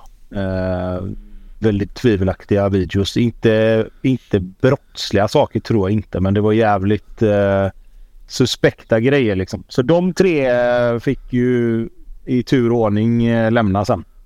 Eh, men de, de, alltså, de hittar ju nya, de hittar ju nya lag liksom för de hade inte, gjort- alltså, de hade inte gjort något fel inom citationstecken men det var ju ingenting som eh, tränarna eller framförallt tränaren då, då som var Roy Keane uppskattade något speciellt. Så de tre rök eh, ganska snabbt efter det.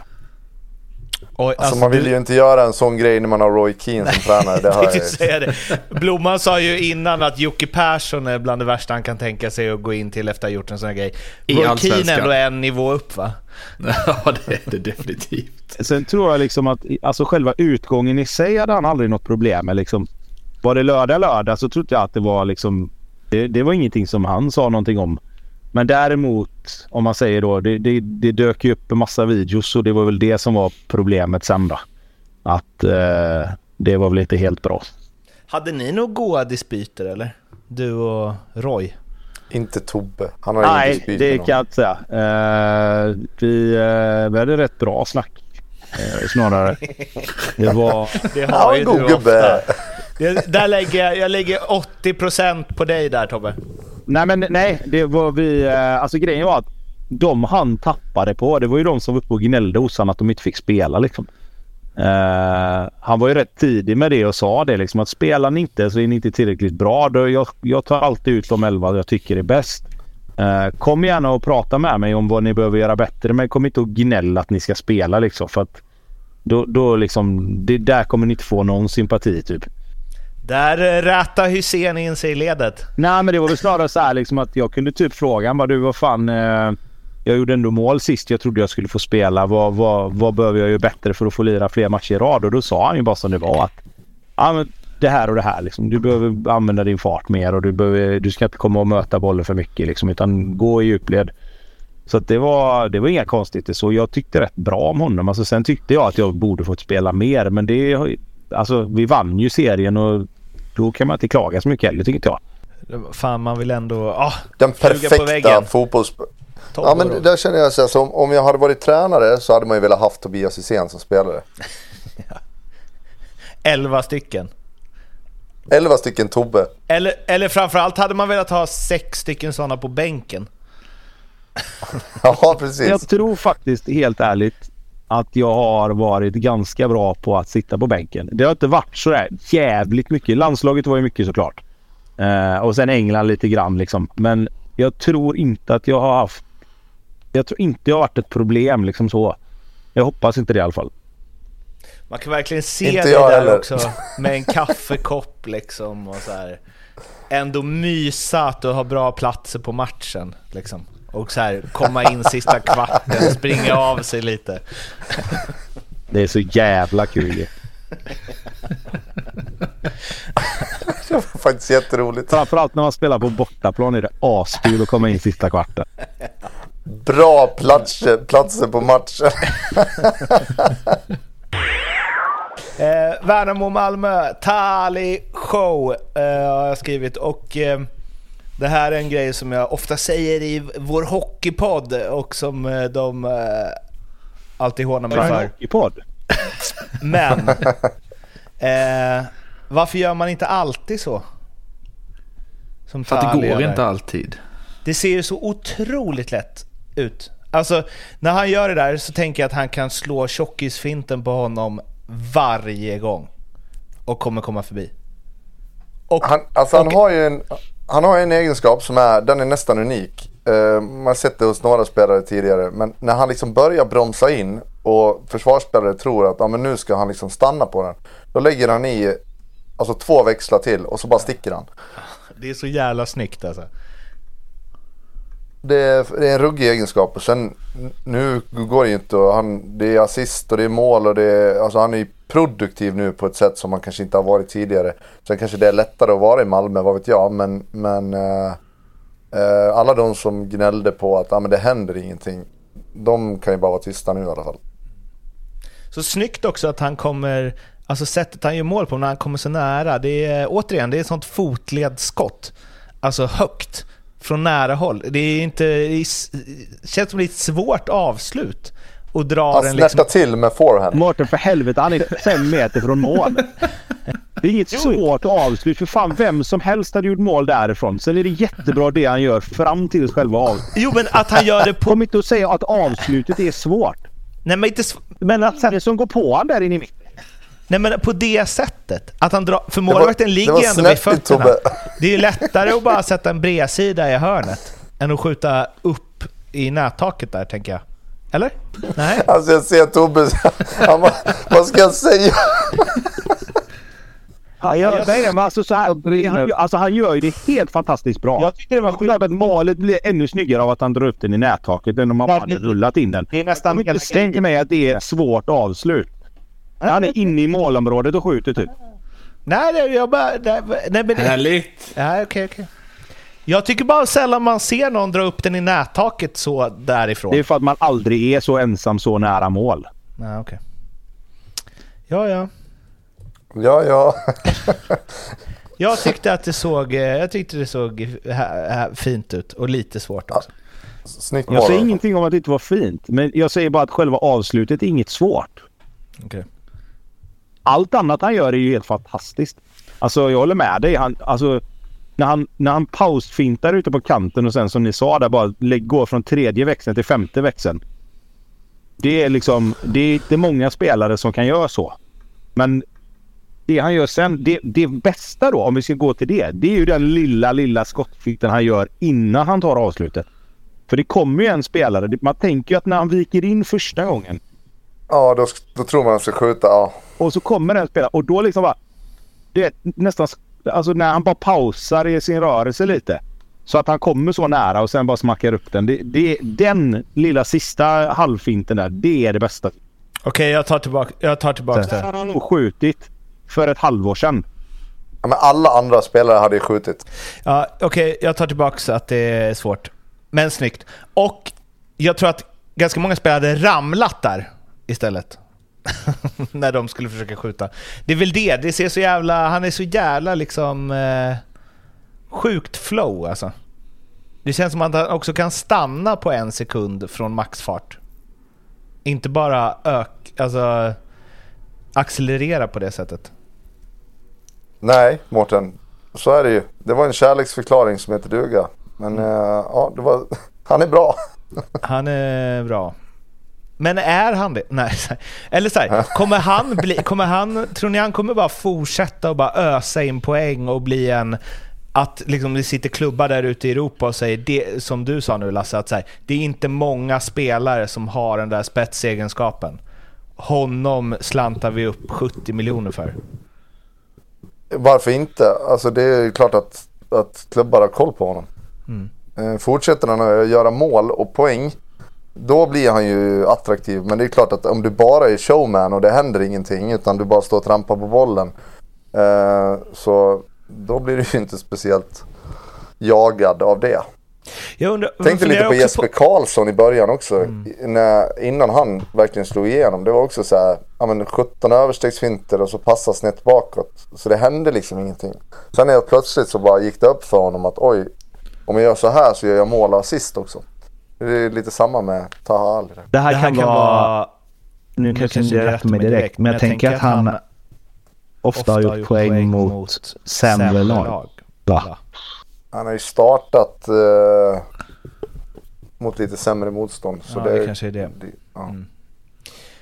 Men Malmö har väl ändå lite flyt i den här matchen får man väl säga. Eh, ja, jag tycker Värnamo är rätt har, bra faktiskt. Ja, och de har ändå två rätt giftiga lägen att göra 2-1.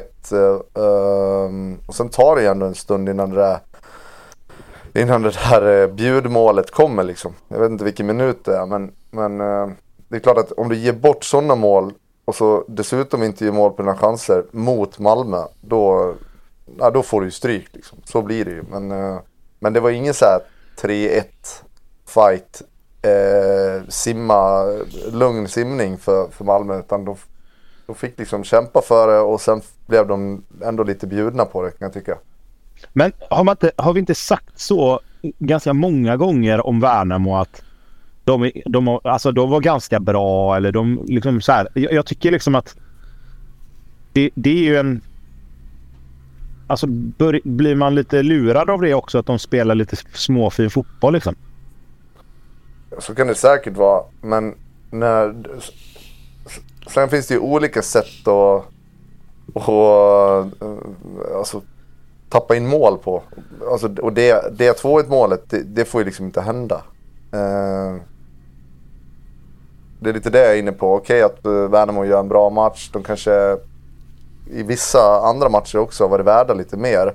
Och det kanske man blir lite förblindad av att det, det, ser kanske bättre ut än vad det är. Men alltså ska du ha chansen att slå ett Malmö FF, oavsett om det är på hemmaplan, så kan du ju inte bjuda på på 2-1 när det är en kvart kvar. Liksom. Nej, nej, nej, såklart. Såklart. Men, men också det är liksom inte, det är liksom inte första gången vi pratar om Värnamo som att ja, men de kunde gjort det. Eller då, om och men, liksom lite sådär menar jag mer. Jo, men det, så är det väl lite grann. Det har ju varit lite omständigt och de har haft svårt eh, framförallt att skapa heta målchanser. Men det tycker jag man gör i den här matchen. Det är ett jävla bra 1-0 mål och det gör han ju helt på egen hand. Eh, och sen skapar man ändå några riktigt heta chanser till som man behöver, man behöver göra mål på. Eh, och så har man 2-1 och så får man liksom försöka försvara den, eh, den trepoängaren och i sämsta fall så gör Malmö 2-2 i, i 90 eller något sånt där. Men, men där hamnar de ju inte riktigt utan det, det blir ju det blir att man ger bort de där tre poängen. Tyvärr för Värnamos skull. En sak som uppmärksammades i Sportbladet efter eh, den här matchen är att eh, eh, MFFs nyförvärv i årets allsvenska gjort 17 mål och 13 assist på de här 12 matcherna. Nanasi 7 plus 3, Tali 4 plus 4, Stefano Vecchia 5 plus 2, eh, Gabriel Busanello 1 plus 3 och Hugo Bolin 0 plus 1. Eh, men kan man räkna Nanasi och Bolin som nyförvärv?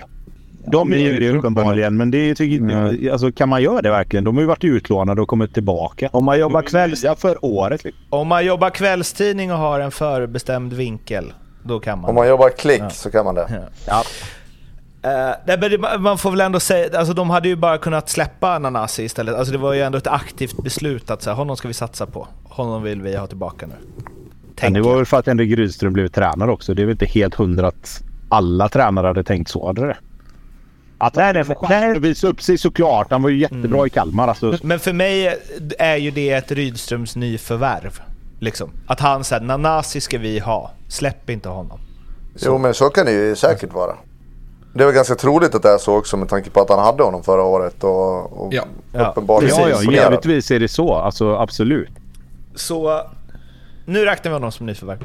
Ja. Mm. I det, ändå bra, eh, bra utfall ju. Sen så kanske man, eh, även om man liksom förblindades lite av att Malmö kom sjua förra året, så är det ju eh, hög träffprocent på spelarna de tagit in. Tinnerholm har ju varit skadad mycket.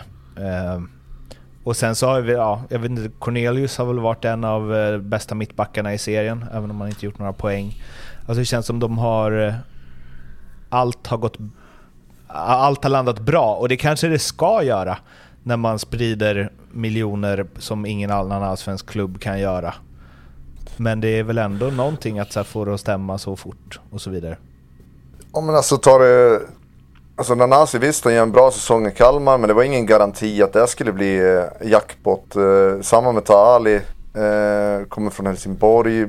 Det var ju den här diskussionen som även pågick under de första omgångarna med honom. Att ja men det ser bra ut men det händer inte så mycket. Och han har ju motbevisat rejält.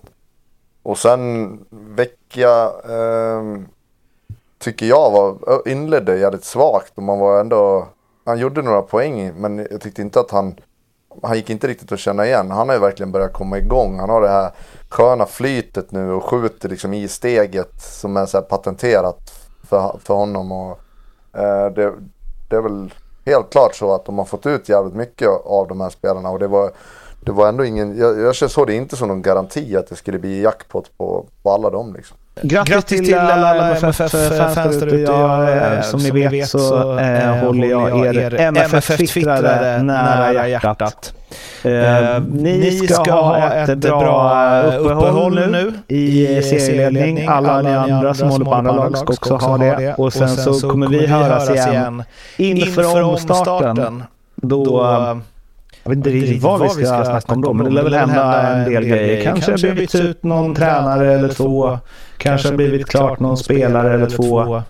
Uh, ja, lite, lite sånt, sånt helt enkelt. enkelt. Uh, om, om ni får tråkigt, tråkigt under allsvenska uppehållet och vill oss något så finns vi på Twitter och Instagram vet ni sedan tidigare.